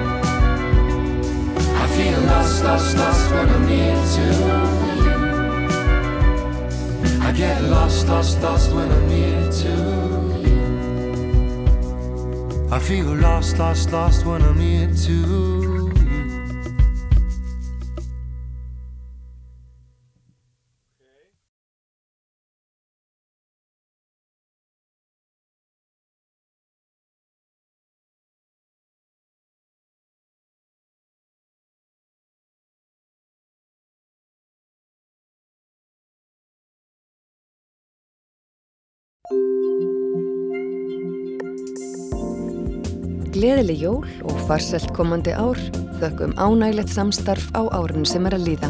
Starfsfólk yðunar fræðslusetturs. Gróðrastöðun Mörk óskar landsmönnum öllum gleðilegra jóla og kærleika á komandi ári. Þökkum 50 græn og góð ár með vonum ást og frið á nýju ári. Rafeiri Akureyri óskar viðskiptafinnum sínum farseldar á nýju ári og þakkar viðskiptin á árunni sem er að líða. Rafeiri.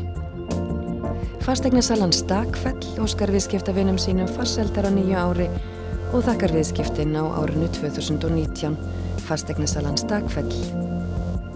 Suðurnesja bær sendir íbúum og landsmönnum öllum hugheilar jóla og nýjáskveðjur með þökk fyrir samstarf og samskipti á árinu. Völundarhús óskar viðskiptafinnum sínum farseldar á nýju ári og þakkar viðskiptun á árinu sem er að líða. völundarhús.is Við óskum viðskiptafinnum okkar og landsmönnum öllum gleðilegra jóla og þökkum viðskiptun á árinu sem er að líða. Grand Thornton Endurskoðun EHF Tannlagnastofan Creative Dental Budapest Óskar landsmönnum gleðilegs nýs árs með framtíðin brosa við okkur. Grímur Axelsson, umbóðsmaður. Óskum landsmönnum öllum gleðilegra jóla og farseldar á nýju ári. Þökkum viðskiptin á liðnum árum, starfsfólk bændaferða.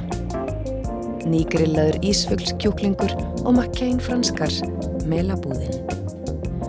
Rótarskot er leið til að styrkja upplugt og mikilvægt sjálfbóðastarf björgunasveitana, Slísarnafélagi Landsbjörg. Jólavöru útsæla, Garðheimar. Múpró festingar og festingakerfi, loft og rafteki. Stjörnuljós flugveldasala, síningin þín byrjar hjá okkur, stjörnuljós.is. Jólahumar, netto.is. Nýjar frábærar vígatertur, flugveldamarkaðir björgunasveitana. Velkomin, hlýðarfjall. Vinnuvélar rafgeimar, rafgeimasalan. Áramáta útsalan er hafinn veiðumadurinn Krókálsi fjögur. Hamburgerabúla Tómasar, búlan opinn nýjástag. Hamburgerabúla Tómasar. Ég er að hugsa mér, skal ég segja þér, að láta hljómsveitina og muldra og skvaldra. Yeah, yeah. So, so it's a lot quicker than, than written.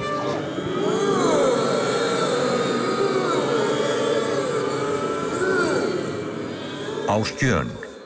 Mynd til að sjá í bíó í fullum gæðum. Sýnd í Bíó Paradís um jól og áramót. Við þekkjum kröfunar sem stóru rockstjórnundar gera. Kalla eftir alls konar vesinni sem engum öðrum dettur í hug. Þannig eru sósurnar okkar. Það er bókstallega heimta að vera gerðar frá grunni. Úr ekta hráöfnum, leini kryddblöndum og meistaratöktum. Hard Rock Café. Risa útsala húsgagnhallarinnars er nú í fullu fjöri. Alltaf 60% afsláttur. Komdu og gerðu frábær kaup. Húsgagnahallin, Reykjavík, Akureyri og Ísafyrði.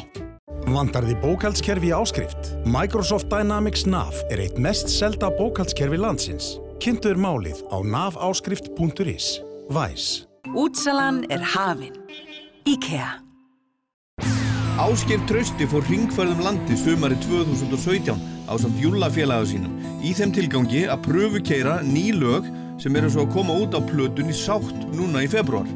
Tónleikarnar á græna hattinum 28. júli voru teknir upp fyrir Rástvö en við höfum ekki mátt útvarpaðum fyrir núna í Rokklandi í dag.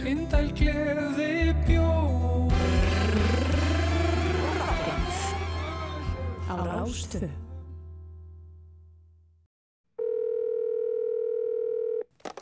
Já. Pétur? Ha? Pétur Jóhann Sigfússon? Já. Blessaði Dotti hérna. Blessaði Dotti. Heyrðu, nú Já. voru krakkarnar á rátt tvö að koma með magnaða hugmynd. Já. Pési sín og Dotti sín í útarpið. Ding dong. Nei, nei, nei, að- hérna skotkakkan og gammaldagsmorgun, fá einhverja gesti, skaupið, vera í einhverju svona bulli og hafa gaman. Já, já, ég er klárið það. Pési sín og Dotti sín með skotkakku sín. Já, bara ég get ekki beðið. Skotkakan með Þórði Helga og Pétri Jóhanni klukkan nýju á gamlastags morgun. Excuse me, enski boltinn, hann er á lengjunni. Lengjan, settu spennu í leikinn. Öryggisakademían Galar. Gæludýr eru líka fólk, bara fólk með sérstaklega næm skilningarvitt. Hundar, kettir og hestar eru sérstaklega viðkvæm. Vísindalegar niðurstöður gæti ekki verið öllu augljósari. Verndum dýrin okkar og dekrum við þau innan dýra um áramótin. Slísavartafélagi Landsbjörg í samvinni með sjófá. Mjá! Útsalan er í fullum gangi í Bíkó. Engar áhyggjur. Þú ert ekki búin að missa af henni ennþá. Sjáumst við ekki? Bíkó.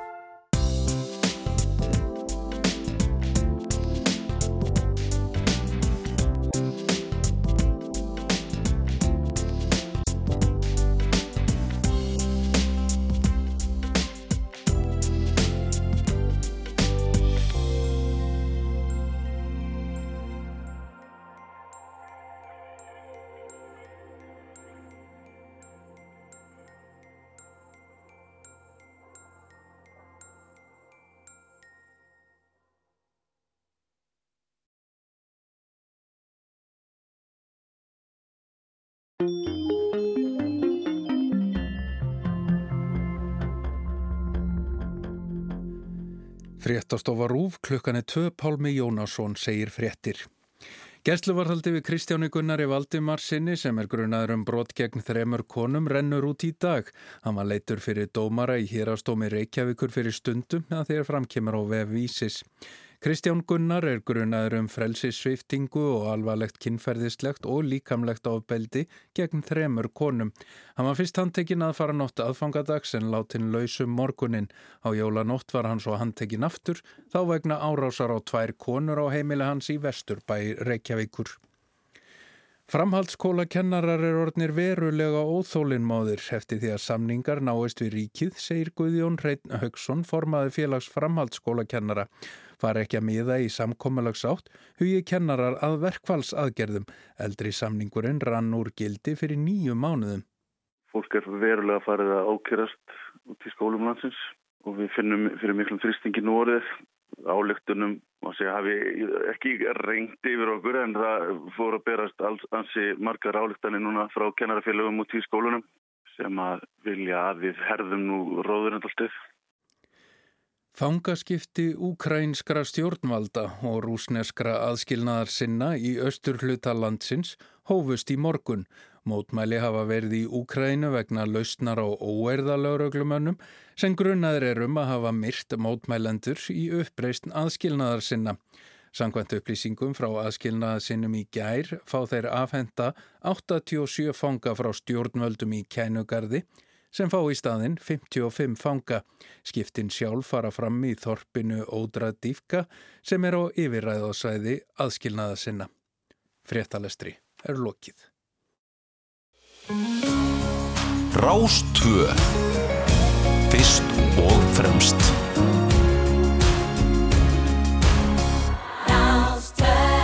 Hún er komin til mín, hún Hallarhund Logadóttir sem stý, stýrir miðstöð Norðurslóða í uh, Cambridge, uh, þeim háskólabæ í Boston. Velkomin. Takk fyrir það. Ég var að spyrja það þess aður en við byrjuðum Cambridge í Boston. Ekki, verður ekki oft rugglingur? Er maður ekki oft í hérna Breitlandi? Jú, það er alltaf mjög mikilvægt að, að setja það inn í viðusbóna þegar þú ert að leita. Þú sést að leita í Cambridge, Massachusetts. Já. Því annars stressar þau upp í einhvern allt annan galla. Já. Ef þú ætlar að, að klæða eftir veðrinu á Englandi. Já. Hvað ertu búin að vera lengi að núti? Við erum að hefja fjörða árið okkar núna. Ég hef reyndar búið áður í bandarækjunum, þannig að samanlegt er þetta hátt í sex ár. Já, og svo heimum jólin. Heimum jólin, það er alltaf best. Í hangi kjötið. Já, hangi kjötið og lakristoppana og, og bara allt þetta helsta. Já, einmitt. Halla, hvaðan hérna, áður við tölum um allt þetta áhugaverða sem þú ert að fást við dagstælega, hvað hérna, hvað er líka þína rætur? Mínar rætur líka hérna heima. Ég er sérst fætt á uppalinn eh, hérna í bænum í Árbæðikvarfinu, ólst ég upp. Hvaða ára ertu fætt? Ég fætt 81, var líka mjög mikið með annan fótinn eh, fyrir austan á bænum Hörgslandskot á síðu. Hvers vegna? Vegna þess að þar byggu amma og afi og hérna fóreldrar mín áttu mér svona tildulega að snemma en ég var mikið sendir þeirra þegar þau voru í prófum og svo framvegs þannig að ég endaði á að vera vinnumæður á bænum og var þar öll sumur nánast framundir tvítugt Mm. Þannig að það var mikill svona mótunar tími. Já, og var þetta stór búskapur sem þið voru með þarna eða? Þetta var svona hefðbundin búskapur eins og var á þeim tíma svona blandabú, kýr og kindur og hestar og hænur og svona allt þetta helsta. En þetta var, hérna, ammaafilöðu mjög mikinn metnað í bústörfin. Þau fengu vellaun fyrir vellaun á mjölk ára eftir ár Og ég myndi kannski segja að það sem ég vinn við hjá Harvard í dag, svona tengt umhverfsmálum og líka kannski svona minn vinnu andi, enginni stolti af því sem að ég lærði þar. Í sveitinni? Í sveitinni, Já. akkurat.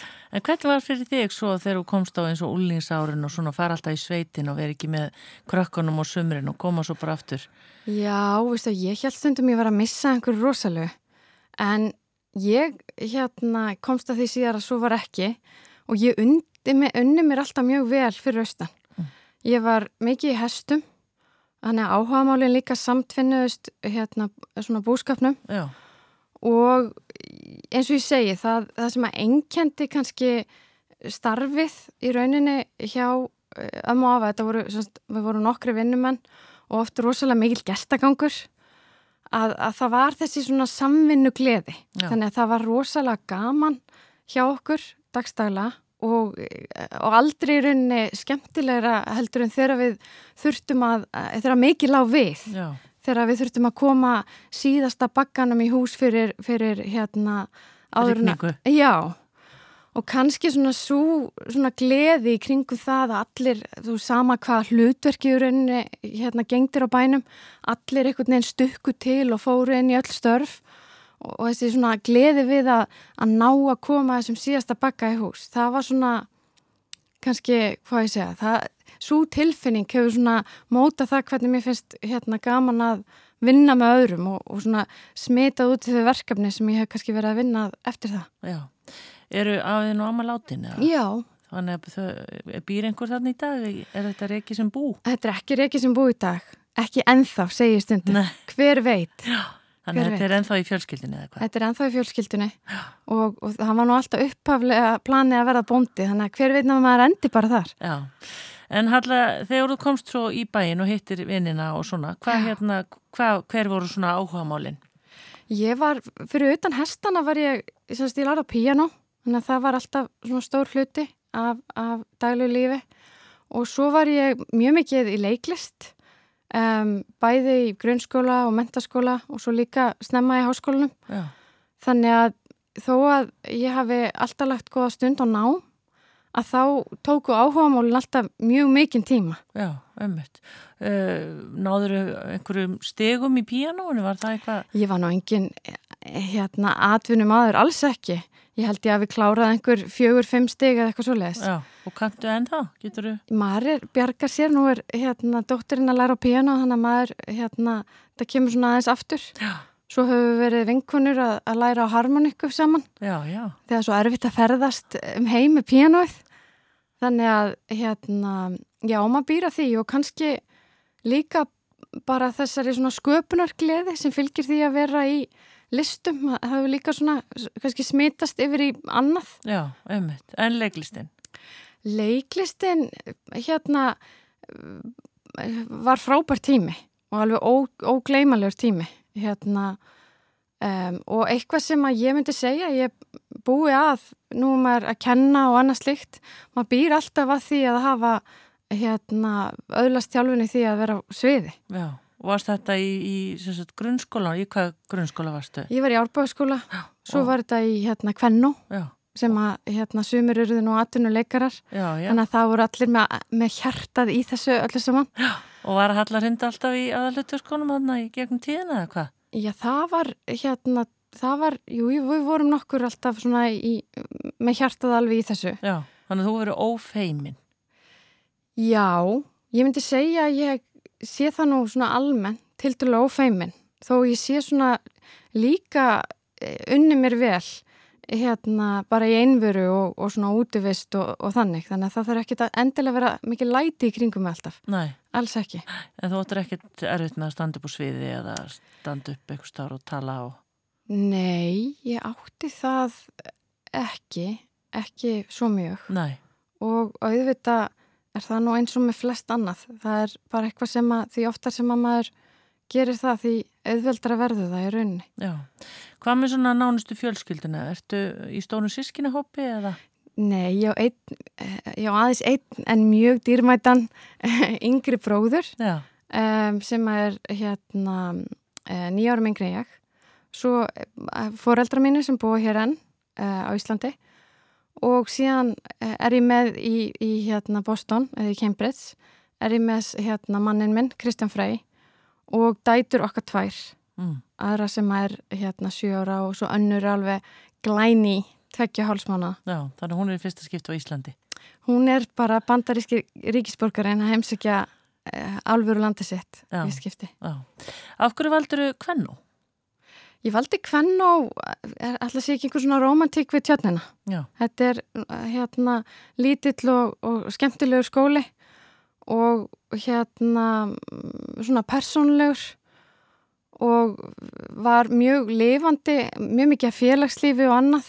Þetta er bekkjakerfið, eða ekki? Já, Já, ég var emmitt, við vorum að hittast stelpunar á bekknum, þannig að bara núna í fyrir, fyrradag. Já. Þannig að þetta eru taugar sem að einhvern veginn, að það er einhver svona samheldni sem fylgir þessum skóla Já. sem að ég hef búið að. Já. Hvað hérna, hann er núna orðin þrjú ár, þetta var vantilega verið fjögur þegar þú varst. Það voru fjögur, já. Já, og máttu nú ekki minna að vera. Nei, ég hefði alls ekki vilja vera minna, helst lengur en, en fjögur. Það segja þetta allir, hvað var verið að breyta þessu? Já, það eru eitthvað verið að, að samræma eitthvað en út af hérna, sem sagt, út af þessum áherslum varandi samhæfingu og annað en ég held að maður lærði svo margt sko félagslega á þessum áru Já. þannig að ég hefði ekki viljað hafa þetta stittra mm. Eitt sem er dettur í hug að getur verið að hann að verið með í bekk að ég var vísindamæður? Nei Nei, hann var ekki en hann var mikið, hann var, hann gói mikið Já. með mér í leiklistinni Já. það voru nokkru svona sem að held áfram Já, og eru einhvers þar á sviðin í dag Já, Já. En Halla, hvað langaði þið að gera? Þú erið stór, fyrir utan að vera bondi Það var svo margt sér til. Það var hérna, í rauninni hafði ég áhuga á öllu mögulega og ég kannski þó ég vinni mest við umhverfsmáli dag að þá var að því að ég er svo mikið alin upp með sérstaklega aðaustan með þessum gildum að, að bera virðingu fyrir landinu og, og hérna hugsa vel um hérna náttúruna og svo framvegs að ég sá það kannski ekki beint endilega sem eitthvað sem ég færi að læra. Nei. Því að oft vil maður kannski læra eitthvað sem að stendur manni aðeins hérna fjær. Þannig að ég mann þegar ég skráði mig í háskóluna þá í rauninni langaði mig í flest nema tannlæknin. Já. Það var eitthvað sem ég fannst alltaf svona afmarkandi, svona hérna svið. En ég endaði að fara í stjórnmálfræði og sá alls ekki eftir því, átti frábær ári í, í stjórnmálafræðinu hérna heima. Já, og það er svolítið miskilingur átt að stjórnmálafræði, hún fjallar ekki bara um stjórnmálaflokkana, sko? Nei. Eða þess að daglegu pólitík? Alls ekki. Rosa mikið um auðvitað bara samfélagið í heldsinni og ég myndi segja að þetta væri mjög svona fjölþætt nám sem að hefur nýst mér á, á marga vegu. Já, ummitt. En hafður þú sjálf eitthvað svona tengst politík eða eitthvað slíku? Varst eitthvað í, í mentó að pæli því? Nei, alls ekki.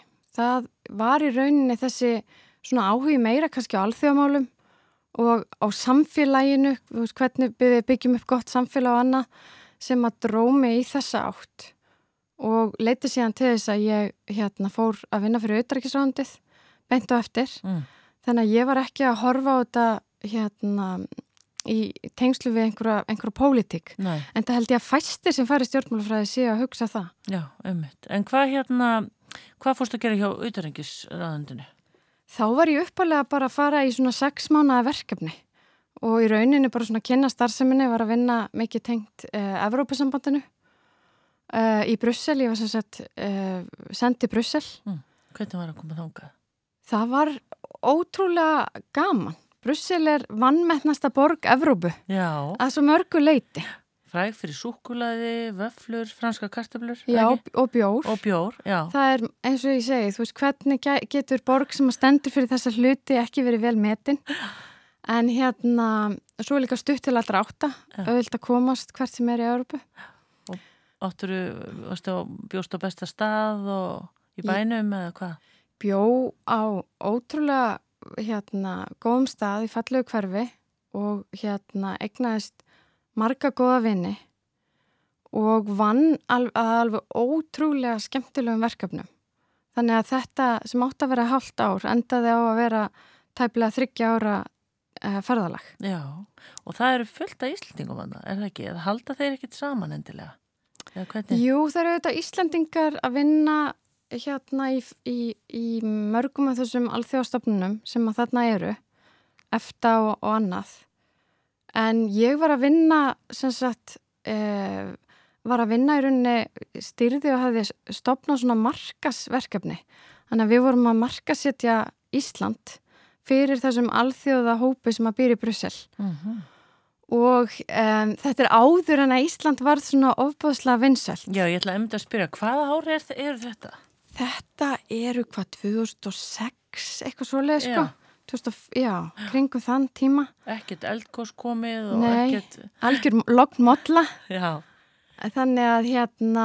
Og hvað voru þá lagt áherslu á? Það er seinleiki vassins og.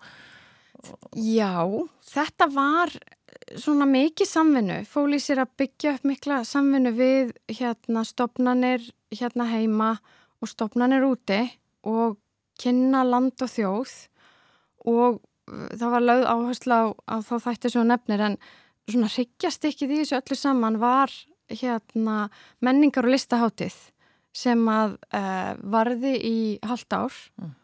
og fóli í sér að hérna, við uh, öflum fjármaks til að, að fá þjóðleikúsið og, og hérna, til að senda síningu út og Æsland Airwaves og vorum í síningu með listafsöfni Íslands og listafsöfni Reykjavíkur. Þannig að hérna, Ríkjast ekki var í rauninni íslenska menningin. Mm -hmm. sem að ég held að sé svo mikilvægt þegar við erum að horfa á, á á hérna, ferðamálinn að Ísland stendur auðvitað fyrir ótrúlega náttúru en menningin okkar er líka eh, ekki síður áhugaverð. Og, og gaman að, að draga fólk hinga heimi gegnum áhuga á, á menningu ekki síður náttúru. Já, og sem er í rauninni, maður hefur tilfinninguna að sé alltaf meira og meir. Já, Já akkurat. Einmitt. Viltu meina Halla Svindlóðadóttir að þetta hefur verið svona Já, þú hafa fyrir tilvílum kannski svona lendi í því að þú byrjar allar að vera í sex móniði, verður í þrjú ár Já. og fetar einhvern veginn inn á einhverju braut sem kannski enginn hafiði pælt í.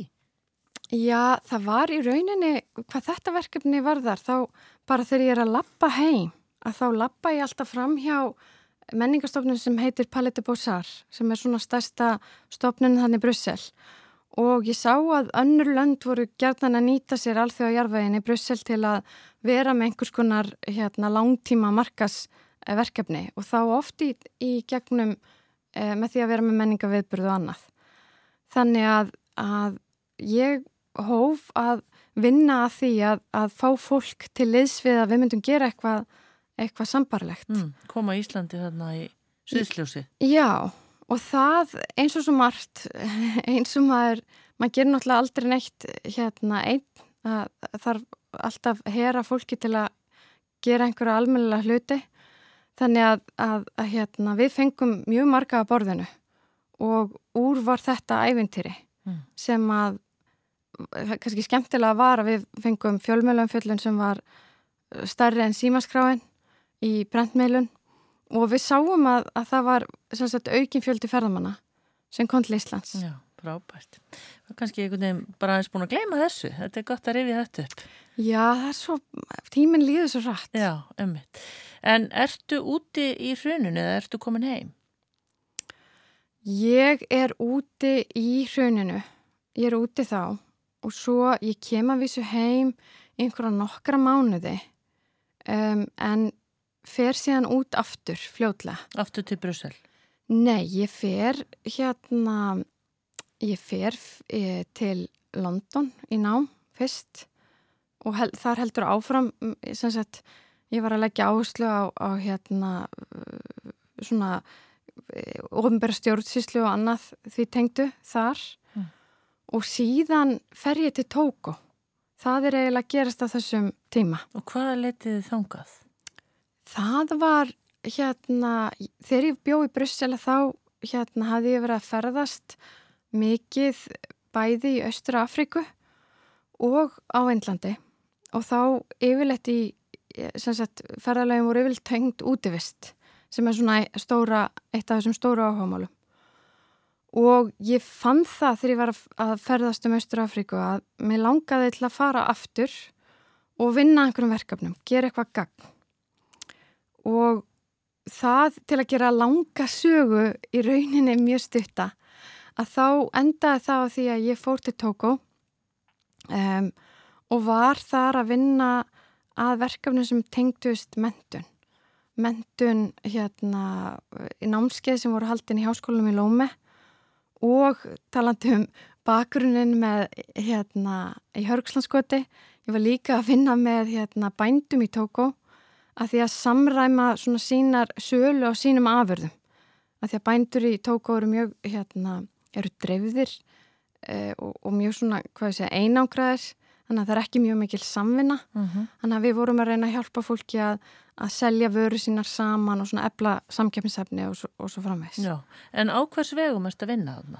Þá ég í rauninni var á vegum samtaka um, í það sem ég var við háskólinni Lómi og svo voru þetta NGO sem að heitir á góðri íslensku hvað, það heitir hérna e, það heitir, hvað heitir það? Er það án landamæra eða eitthvað? Nei þetta var bara svona non-governmental organization sem að í rauninni bara svona samtök Já. sem að voru starfandi á þessum vegu. Já, star starfandi á, þessum, á þessu sviði. Já, en erstu þarna eini íslendingurinn eða?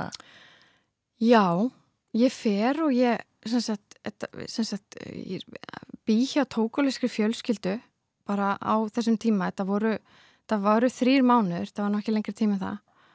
En ég fór sem sagt, þetta var svo áhugavert að því ég fór í rauninni svo mikið til að vinna þessum verkefnum en það sem að ég lærði hins vegar og svona áhrifin sem það hafði voru svo allt önnur Já. af því eins og ég segi ég, ég bjó hjá tókuliskri fjölskyldu í, í svona skúr út í gardi á þeim. Og hérna dagurinn byrjaði því að við náðum í vatn e, út í brunn. Og, og hérna og þetta var allt svona mjög frumstætt lítið um ramagn, þannig að tímin leið allt öðruvísi. Og það maður segja ég eftir hérna þennan tíma þá var ég með enþá meiri áhuga á sko hvað gerir góð samfélag að góðum samfélag af því að það var erfitt að koma hlutum í framkvæmt út af hérna skorta á, á ramagni það var hérna erfitt að bara hreinlega framkoma mentun eða menta fólk að því að þetta voru mjög frumstæðar, bara svona skíli hálgerð og bara erfitt að, að útviða kennslugögn og allt þetta.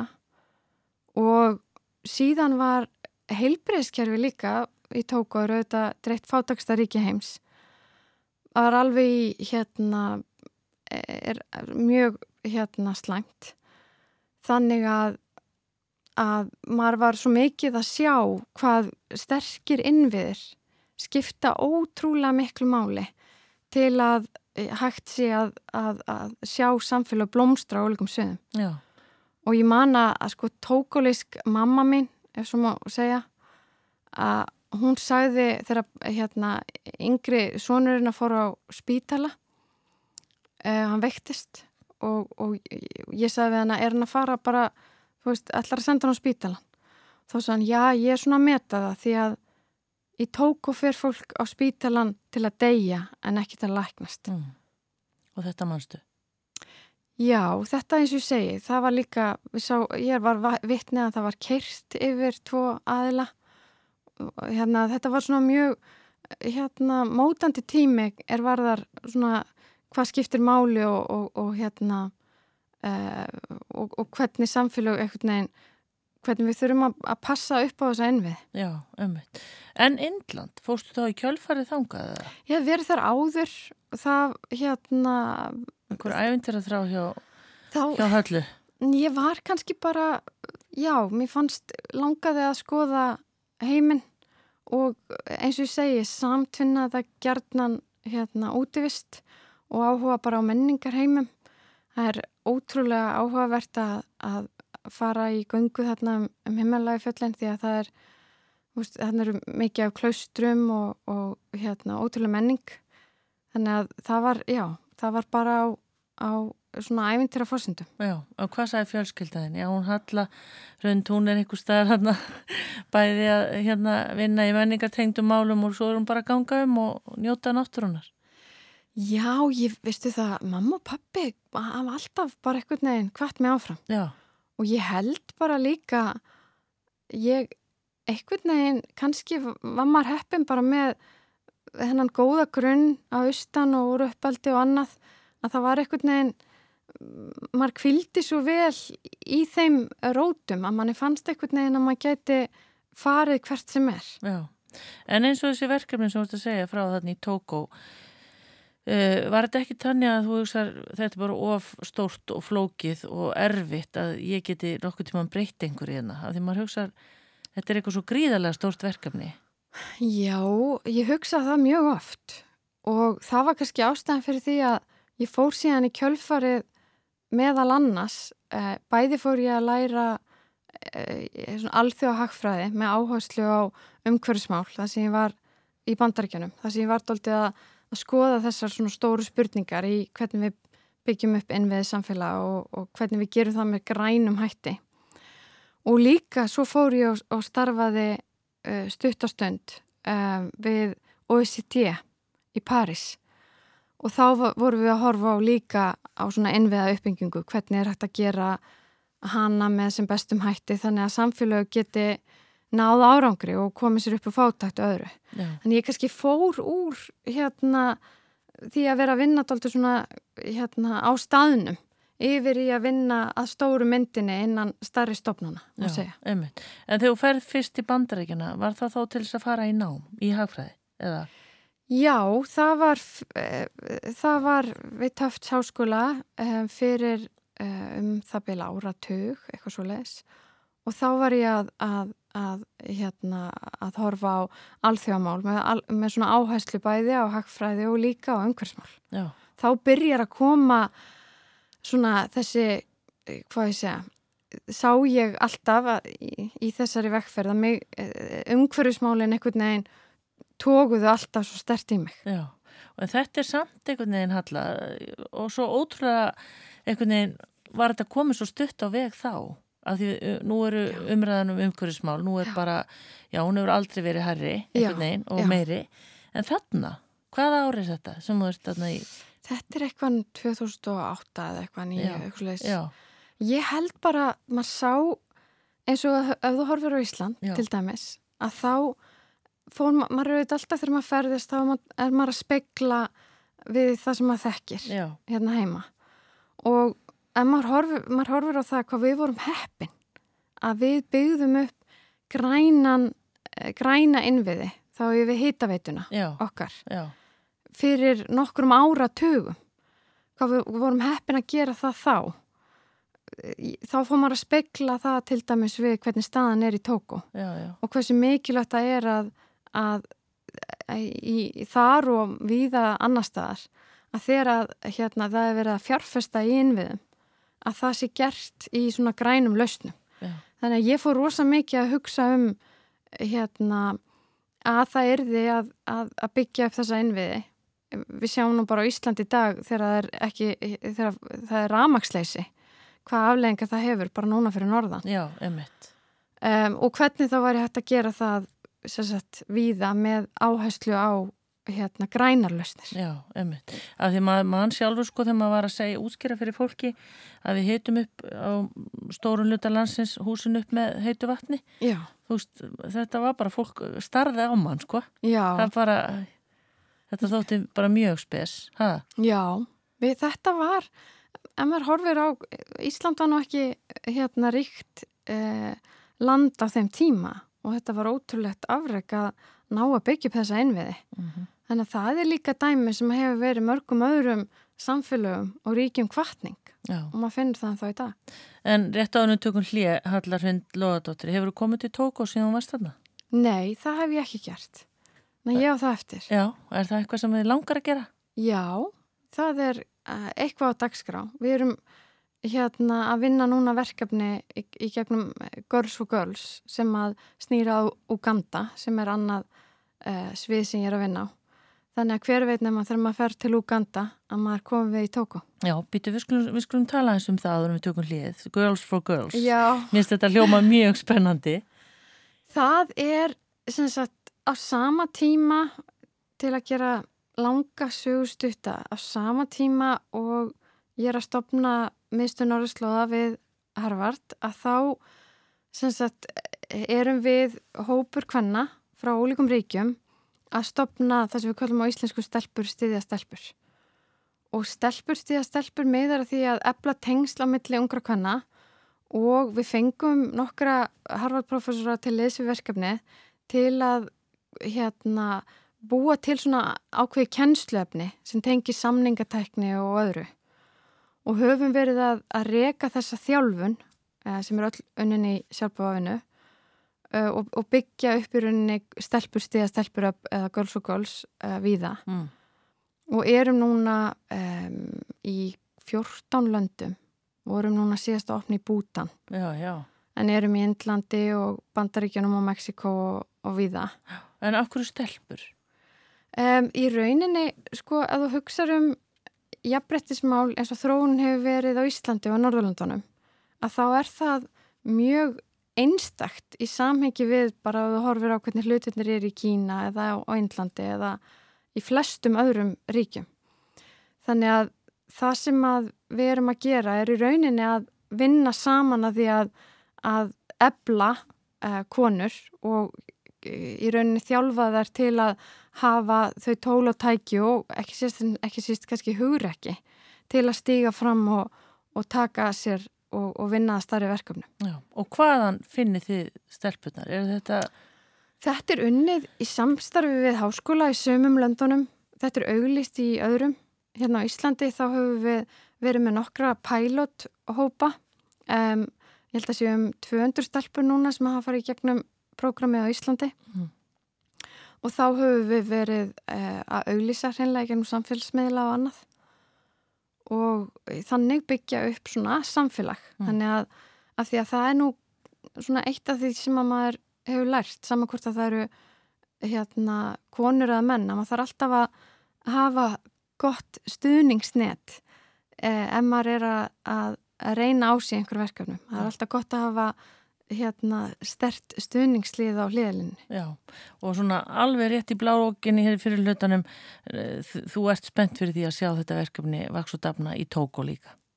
Já, það er ég klálega. Ná. Hallarhund Lóðadóttir er gestuminn, hún stýrir miðstöð Norðurslóða í Boston og kom í stutt jólafrí og, kom, gaf sér tíma til að koma í sunnundasögur. Þetta var fyrirlutin, við skulum heyri inn eftir smástund aftur. Rótarskot er ný leið til að styrkja sjálfbóðastar björgunarsveitana. Kynntu þér rótarskot á skjótumrótum.is Slísavarna félagi landsbjörg. Vegna mikillar eftirspurnar Evita aukatónleikar í Eldborg 28. februar og í Hófi 1. mars Jóhanna Guðrún, Sæmon Veli Þór Breiðfjörð, Helgi Björns og Salka Sól Miðasala á tix.is Við þekkjum kröðunar sem stóru rockstjörnundar gera. Kall eftir alls konar vesinni sem engum öðrum dettur í hug. Þannig eru sósurnar okkar. Það er bókstallega heimta að vera gerðar frá grunni. Úr ekta hráöfnum, leini kryddblöndum og meistaratöktum. Hard Rock Café. Muni dósagámana í sorpu. Grænir skátar. Útsalan er hafin hjá Esprit. 30-50% afsláttur. Esprit Smáralind. Útsalan í Dorma er hafin, alltaf 60% afsláttur. Komdu og gerðu frábær kaup. Dorma, láttu drauminn rætast. Þú færð allt í áramótaveisluna í Netto.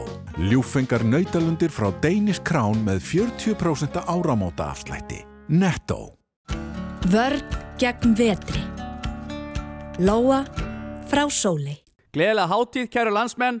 Áramót og humarinn farið hjá okkur, nóg til, marga starðir, fesku fiskur og humarsúpan okkar vinsala. Fiskikongurinn. Útsalan er í fullum gangi í vestlunum Elko og á elko.is. Gerðu frábær kaup á yfir þúsund vörum. Elko, Einfallega lægra verð. Íslenskar kalkunabringur á jólaborðið. Hátíða matur úr sveitinni frá íslenskum bændum sem við þekkjum og treystum. Ísfugl. Útsalan er í fullum gangi í Bíkó. Engar áhyggjur. Þú ert ekki búin að missa vinni ennþá. Sjáumst við ekki. Bíkó. Hún er gestur minn, hún Halla Hrund Lóðadóttir sem að stýri miðstöð Norðurslóða við Harvard Háskólan í Cambridge í Boston. Halla, hvernig finnst þér að renna svona á, hvað ég segja, hraðlaupi yfir lífið? Ég er bara muna eftir ymsu sem ég hef búin að stengleima, þannig að þetta er bara, bara skemmtilegt. Já, einmitt. Erðu, við vorum komnar að því að þú ert, sagt, ert komin til bandarækina í þetta nám í hagfræði og uh, þar byrjar þú svona þess að hugsa um umhverfismálinn. Já. Uh, varstu búin að sjá fyrir þér hvað ætla ég svo að enda ætla ég að vera hér og búa í bandarækjunum eða ertu aldrei að hugsa um þetta ætla, ertu alltaf bara einhvern veginn leiðist inn í einhverju aðstæður Veistu að ég kannski hérna að hluta til bara hefur lífið auðvitað þróast bara áfram en það hefur yfirleitt verið þannig að, að störfin og verkefnin samt sem áður hafa einhverja tengingu uh, við Ísland þannig að ég hef all, alltaf séð fyrir mér að að koma aftur heim Já. og kom í rauninni eftir námið þarna úti að þá fleiti ég aftur heim. Já, og þá fer að vinna hvað í Háskólum Reykjavík? Já, Já. Þá fer ég að vinna, er sérst yfir alþjóða þróun þar og er aftur að vinna mikið, nýta þessi tengsli og búin að byggja upp um, Erlendis uh, fyrir háskólasamfélagi hérna heima. Og svo fer ég teki við því sem heitir í dag Íslenski Orkuháskólinn og er í raunin nám á sviði umhverfis og orkumála um, sem að flestir sem að koma í það námi eru erlendis frá. Um, þetta er þá náma meistrastegi og líka stutt námskeið. Þannig að næstu ár fóru í að byggja það upp. Já, í Háskólum í Reykjavík. Já. Já. E, og það er ennþá í gangi, eða hvað? Já, þetta var, við vorum í manni uppafið, þá vorum við með undir tíu nefnendur og síðan vorum við að reyna að, að, að gera þetta svona alvöru miðstöð og, og þá var me, svona minn drifkraftur að meðla þekkingu Íslandinga sérstaklega af, af hitaveitunni og, og öðru Mm. tengt jarvarmannum eh, til annara ríkja og svona þessi hérna eh, svona drifkrafturinn tengtist í að, að leggja mitt að mörgum tengt loflasmálunum. Já.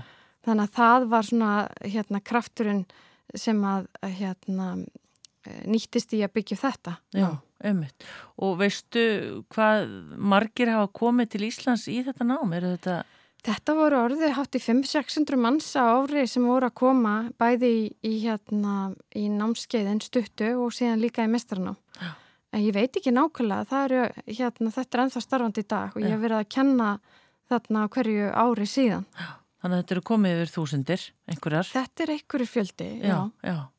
Uh, síðan hvað? Uh, langaði þið að breyta til aftur, Halla? Síðan, já, síðan hérna fæ ég tækifæri, ég sem sagt byggðist að verða svona umhverfisfellow við Harvard og Hvað eh, þýð það? Umhverfisfellow? Já, það þýðir að ég í rauninni fekk svona styrk til að koma og vinna að umhverfismálum þar og fara um leið í annað mistarná. Það sem ég væri að sérhafa mig ennþá meira í umhverfismálum. Og á þessum tíma þá hafði ég verið að vinna mikið að svona norðurslóamálum líka einna heima. Af því að ég sá það að það er að verða svo mikla breytingar á því sviði að mér langaði til að, að hérna, skoða umhverfismálinn doldið í, í samhengi þessa svæðis. Mm. Þannig að það má kannski segja að þegar ég fer út að þá er ég farin að hugsa uh, stert í þá átt. Já, og þetta er hvað, ég reikna bara það á 2014-15, eitthvað svo leis?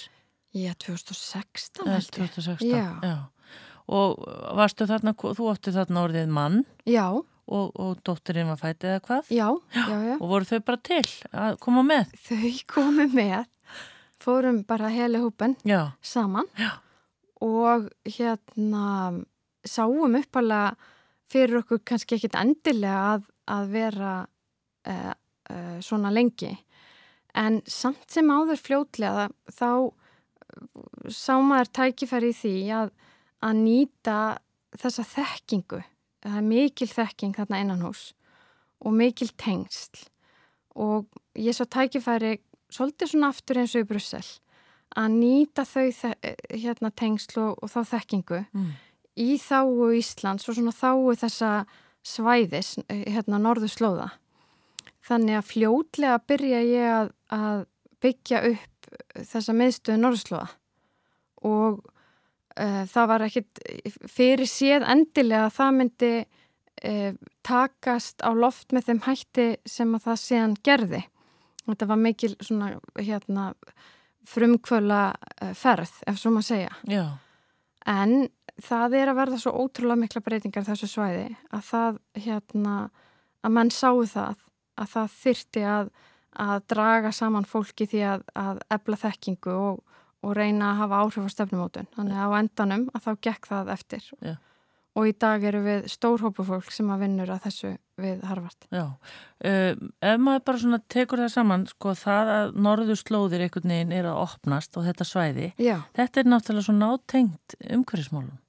Þetta er svo nátengt eins og segir, því að bæði eru, hérna, eru norðu slóðir að hlýna mun hraðar heldur en aðrir heimslutar og það er að hafa áhrif á lífrikið hér, bæði lífriki ofansjávar og líka neðansjávar og auðvitað höfum við Íslandingar sem fiskveið þjóð alveg ótrúlega mikla hagsmunni að því að, að hafa skilning og þekkingu og, og passa upp á að, að þetta svæði haldist ómengað og svo framvegis. Að því að við munum sjá og erum farin að sjá miklu meiri skipaumferð, miklu meiri ágangi auðlendir og annað sem er á Norðslóðum. Þannig að við höfum tækifæri núna til að innleiða réttar stefnur og, og passa upp á að, að besta þekking, vísindathekking skilir sér inn í stefnumótun hjá stjórnvöldum. Þannig að við endum ekki með einhverja hérna, niðurstöðu eða einhverja útkomi eftir eh, einhvern ákveðin árafylgda sem að hérna, sem við hefum ekki viljað sjá. Við hefum í rauninni tækifæri til að gera hlutina rétt frá byrjun núna. Já, er ekki Ólafur Ragnar þarna alveg í miklu hlutverki? Já, hann hefur verið mjö, í mjög stóru, mikil frumkvöld auðvitað byggt upp Arctic Circle hérna heima sem að við höfum unni mikið með uh, á samt fjölda stjórnvalda og, og annara sem að þessum málum koma. Og eins og ég segi það sem að ég sá kannski doldi eftir að hafa verið í, í hérna mentakerfinu og líka unni mikið með stjórnvöldum minna hérna heima er að, að hver og einn aðil er svo smár og áskorannar svo ótrúlega stórar. Þannig að mér fannst vanta svona starri hérna, leikanda inn á þetta svið og það sem að, að Harvard hefur er að það er eins og ég segi mjög mikil þekking og, og svona, hvað ég segja, stofnunin hefur ákveðin slagkraft til að draga ólíka aðila saman til að vinna úrlaust e, stóra vandamála. Já. Þannig að við erum doldið í því að, að draga þá bestu saman uh, og, og fólk frá ólíkum uh, ríkjum norðslóða til að, að, að móta stefnur og, og hafa áhrif á það hvernig við vinnum hlutin áfram. Já, er, er búið að setja á laginnar alls konar nám sem eru tengd norðurslóðum til dæmis? Það er búið að gera það ansi við að aðalega núna kannski svona á síðustu bara hérna tveimur árum. En þegar við förum að stað með þetta við Harvard að þá er, er mjög fáarstofnanir í bandaríkjanum að, að skoða þessi mál á sama tíma og, og hérna þau eru að verða sífælt mikilvægari. Þannig að uh, þetta var, hérna, þetta var uh, góður tímapunktur til að, að, að ná þessu saman. Já, en Ísland, hvaða hlutverki gegnir Ísland í þessu norðu slóða samstarfi öllu? Ísland gegnir mikilvæga hlutverki. Þetta eru auðvitað vettangur þar sem við getum látið rödd okkar heyrast e, á hérna stórum sviði. Við erum auðvitað eitt af átta norðurslóðaríkjum og við erum þar í hópi stóra ríki eins og Rúslands og Bandaríkjana og við erum til dæmis núna að leiða norðurskauts e, ráðið og þar höfum við tækifæri á að koma með okkar áslur mm. og við höfum til dæmis verið að vinna með íslensku stjórnvöldum e, að því að finna leiðir ásamt hinnum Norðurslóðaríkjunum og fleiri aðlum hvernig má draga úr, úr mengun sjávar, plastmengun og öðru.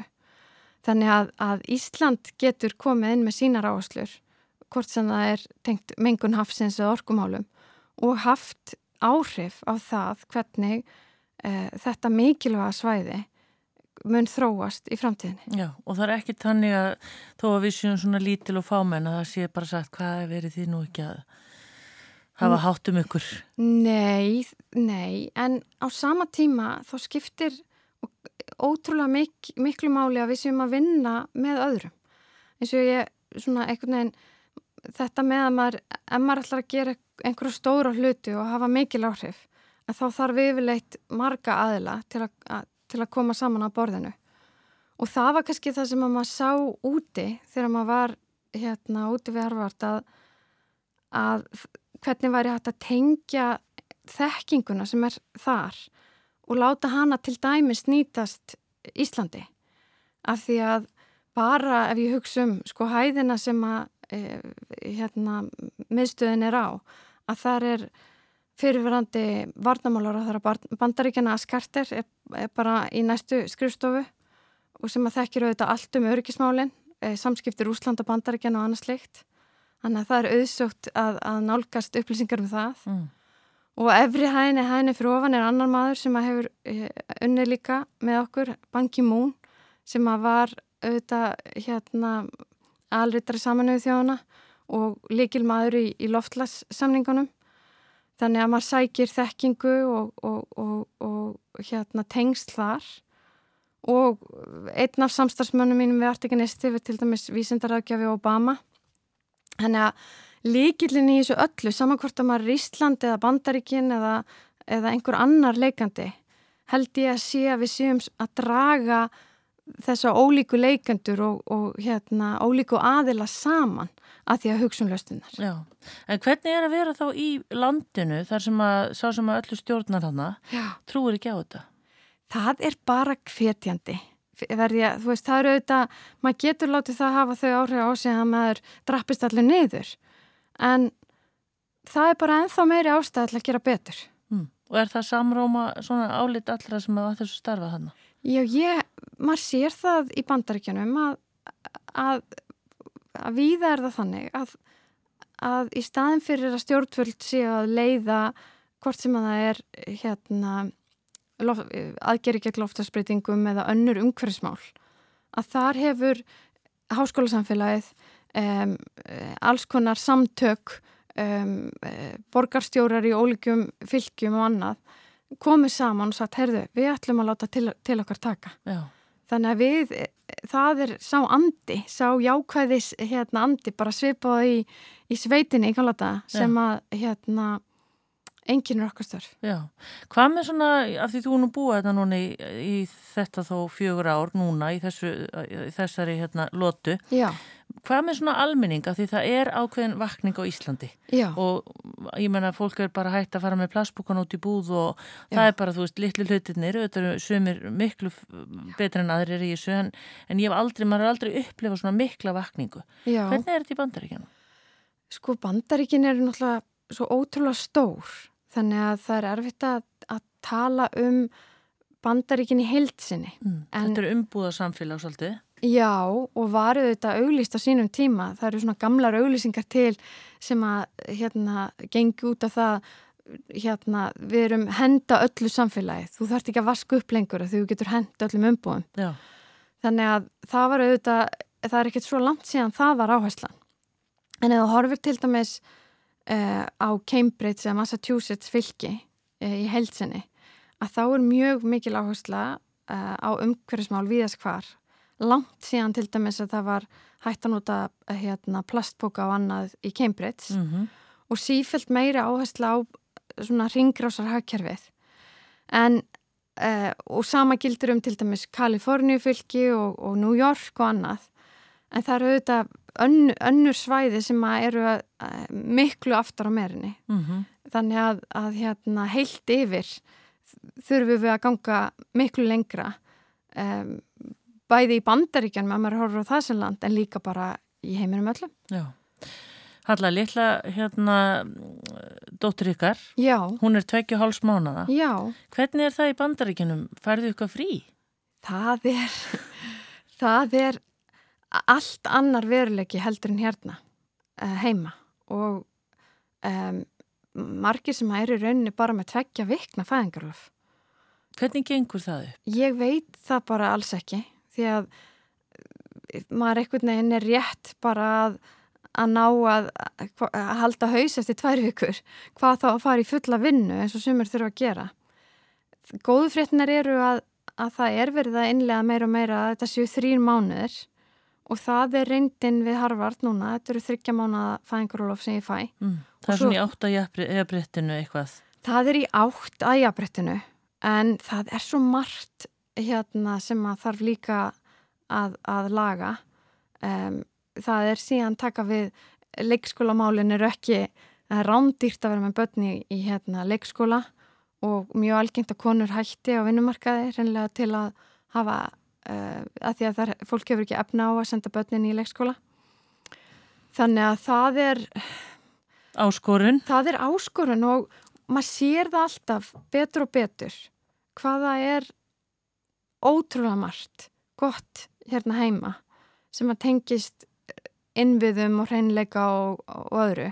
Þó svo að við séum ekki orðin fullkomin bæði hvað var þar jafnbrettismálinn, umhverfismálinn og annað að þá erum við komin langt á, á mörgum sviðum og lifum í veruleika sem að öðrum dreymir um að vera hluti af. Já, hvernig ganga svona dagarnir fyrir sér? Því nú stundum heyrim að líka fólki sem þarf að keira í marga klukkutími í vinnuna Já. og svona hvernig er þetta hjá þér, Halla Rend? Búið þið langt frá skólanum eða vinnustöðunum ykkar? Nei, veistu að við hérna erum svo heppin að við búum, Cambridge er svona lítill bær þannig að við búum rétt við vinnuna, ég held að sé, ég sé um tímindur að lappa upp í Harvard um, og skólidóttur okkar, þess að eldri dóttur okkar er bara hinu með göduna mm. og ég hérna hinu auðvitað ekki farin í neitt skóla en þá og maðurum en getur hérna farið á hjóli sinna ferða líka. Já, hann heitir Krist... Hann heitir Kristján Freyr. Já, og við hvað starfa hann? Hann er með fyrirtæki sem heitir 50 Skills sem er hugbúnaður á sviði ráðningamála eða mannusmála Já. og hérna Er það þá einirki eða vinnur hann í? Nei, þeir eru hérna teimi saman uh, flestir hér á Íslandi þannig að við, hann er oft mikið hér já, líka já. En, en þegar fólk spyrir mig hérna hvernig það sé að búa í stórborginni og hvort að við séum ekki lengi umferð að við erum ekki við erum ekki eins og bíl. Nei. við löpum allra okkar ferða. Já, og bæti þar með upp lofslagskvíðan þegar fólk er að ferðast og fara að upplifa það. Já, við reynum við vendum okkur í okkar dælega lífi og svo er það bara spurningin um að, að dragu ferðalögum og kólefnas jafna þær ferðir sem við förum í. Já Kom aldrei til uh, greina annað hallæna eða, eða verja jólunum á Íslandi? Hérna, þið var náttúrulega veintarlega oft upplifa jól í útlöndum eða hvað? Nei, það hef ég bara einu sinni gert. Er það? Og kannski ástæðan, eða nei, reyndar tvísvar. Já. Einu sinni í Danmörku þegar ég dvaldi þar eftir stúdenspróf í einhverja tvo mánuði eins og svo algengt er. Og síðan einu sinni var ég á skýðum. Já. En veistu, að það er eitthvað svo dásamlegt að lenda heima og hlusta á Helgu Möller í útdarpinu og, og hérna hitta fólki sitt. Þannig að við höfum ekki vilja að missa af því og sérstaklega núna þegar maður er með krakka sem er á þeim aldrei að þau hérna, hvað sé, þau muna eftir jólunum. Já. Að þá er svo mikil upplifin og eindislegt að koma heim. Já. Og þér er heldur ekkert búin að ákvæða hvað ætlaði að lengi að núti? Bara meðan að... Veistu að það er búið að fara mikil, hérna, mikil vinna núna í að byggja upp miðstu Norrslóða. Þannig að þetta er auðvitað, það þarf að afla fjármaks og það þarf að ráða fólk og, og, og við, ég sést að kenni námskeið, fyrsta námskeið um Norrslóðir við Harvard á mistrastíði. Þú veist að byggja það upp og, og festa þetta allt saman í sessi og, og ég að líti alltaf á það þannig að við þurfum að vera búin að gera almennlegt gagn. Það er ekki nóg að, að stopna hlutina, við þurfum að vera búin að hafa raunveruleg jákvæð áhrif og þegar það er komið lengra og komið almenlega höfn að þá getum við farið að horfa á að koma heim. Já, og ertu sammála andrasnægi í því að náttúruvísinda menninir okkar séu hagfræðingar framtíðarinnar? Ég, þeir gegna alveg ótrúlega mik mikilvæga hlutverki. En ég held að þeir sem að gegna ekki síður mikilvæga hlutverki eru bara fólk allstaðar á þjóðfélaginu sem að hjálpar vísindamönnum að koma skilabóðunum áleis því að stundum er það þannig eins og maður sér kannski hérna úti að, að það er verið að nota svo ótrúlega tæknilegt hérna eh, mál í kringum hlutina og það tæknilegt að, að fólk kannski tengir ekki beint við áskorannar en ég held að, að ég og þú og allir aðrir gegni ekki síður mikilvæg hluturki og Andrisnar og aðrir í að koma þessum skilabóðum áles. Mm, og við þurfum öll að vanda okkur alltaf. Já, það er mikið húfi. Já, við með það. Takk fyrir að koma í sunnundasögur Hallar Hund Lóðadóttir og nú ætlum ég að gera það rétt stýrir miðstöð Norðurslóða við Harvard Háskóla í Cambridge í Boston. Takk. Takk fyrir komuna. Takk.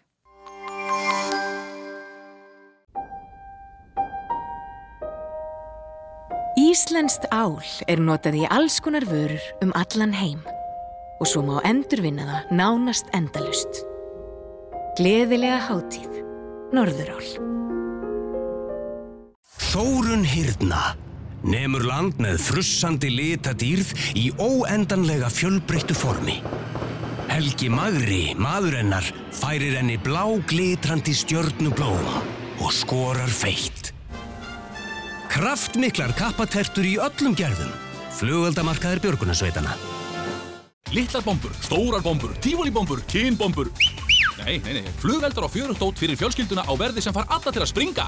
Af gleði. Yes! Útsölustæðir Guldborg bílsáð átján fyrir neðan húsgagnahöllina. Útsalan er hafin. IKEA.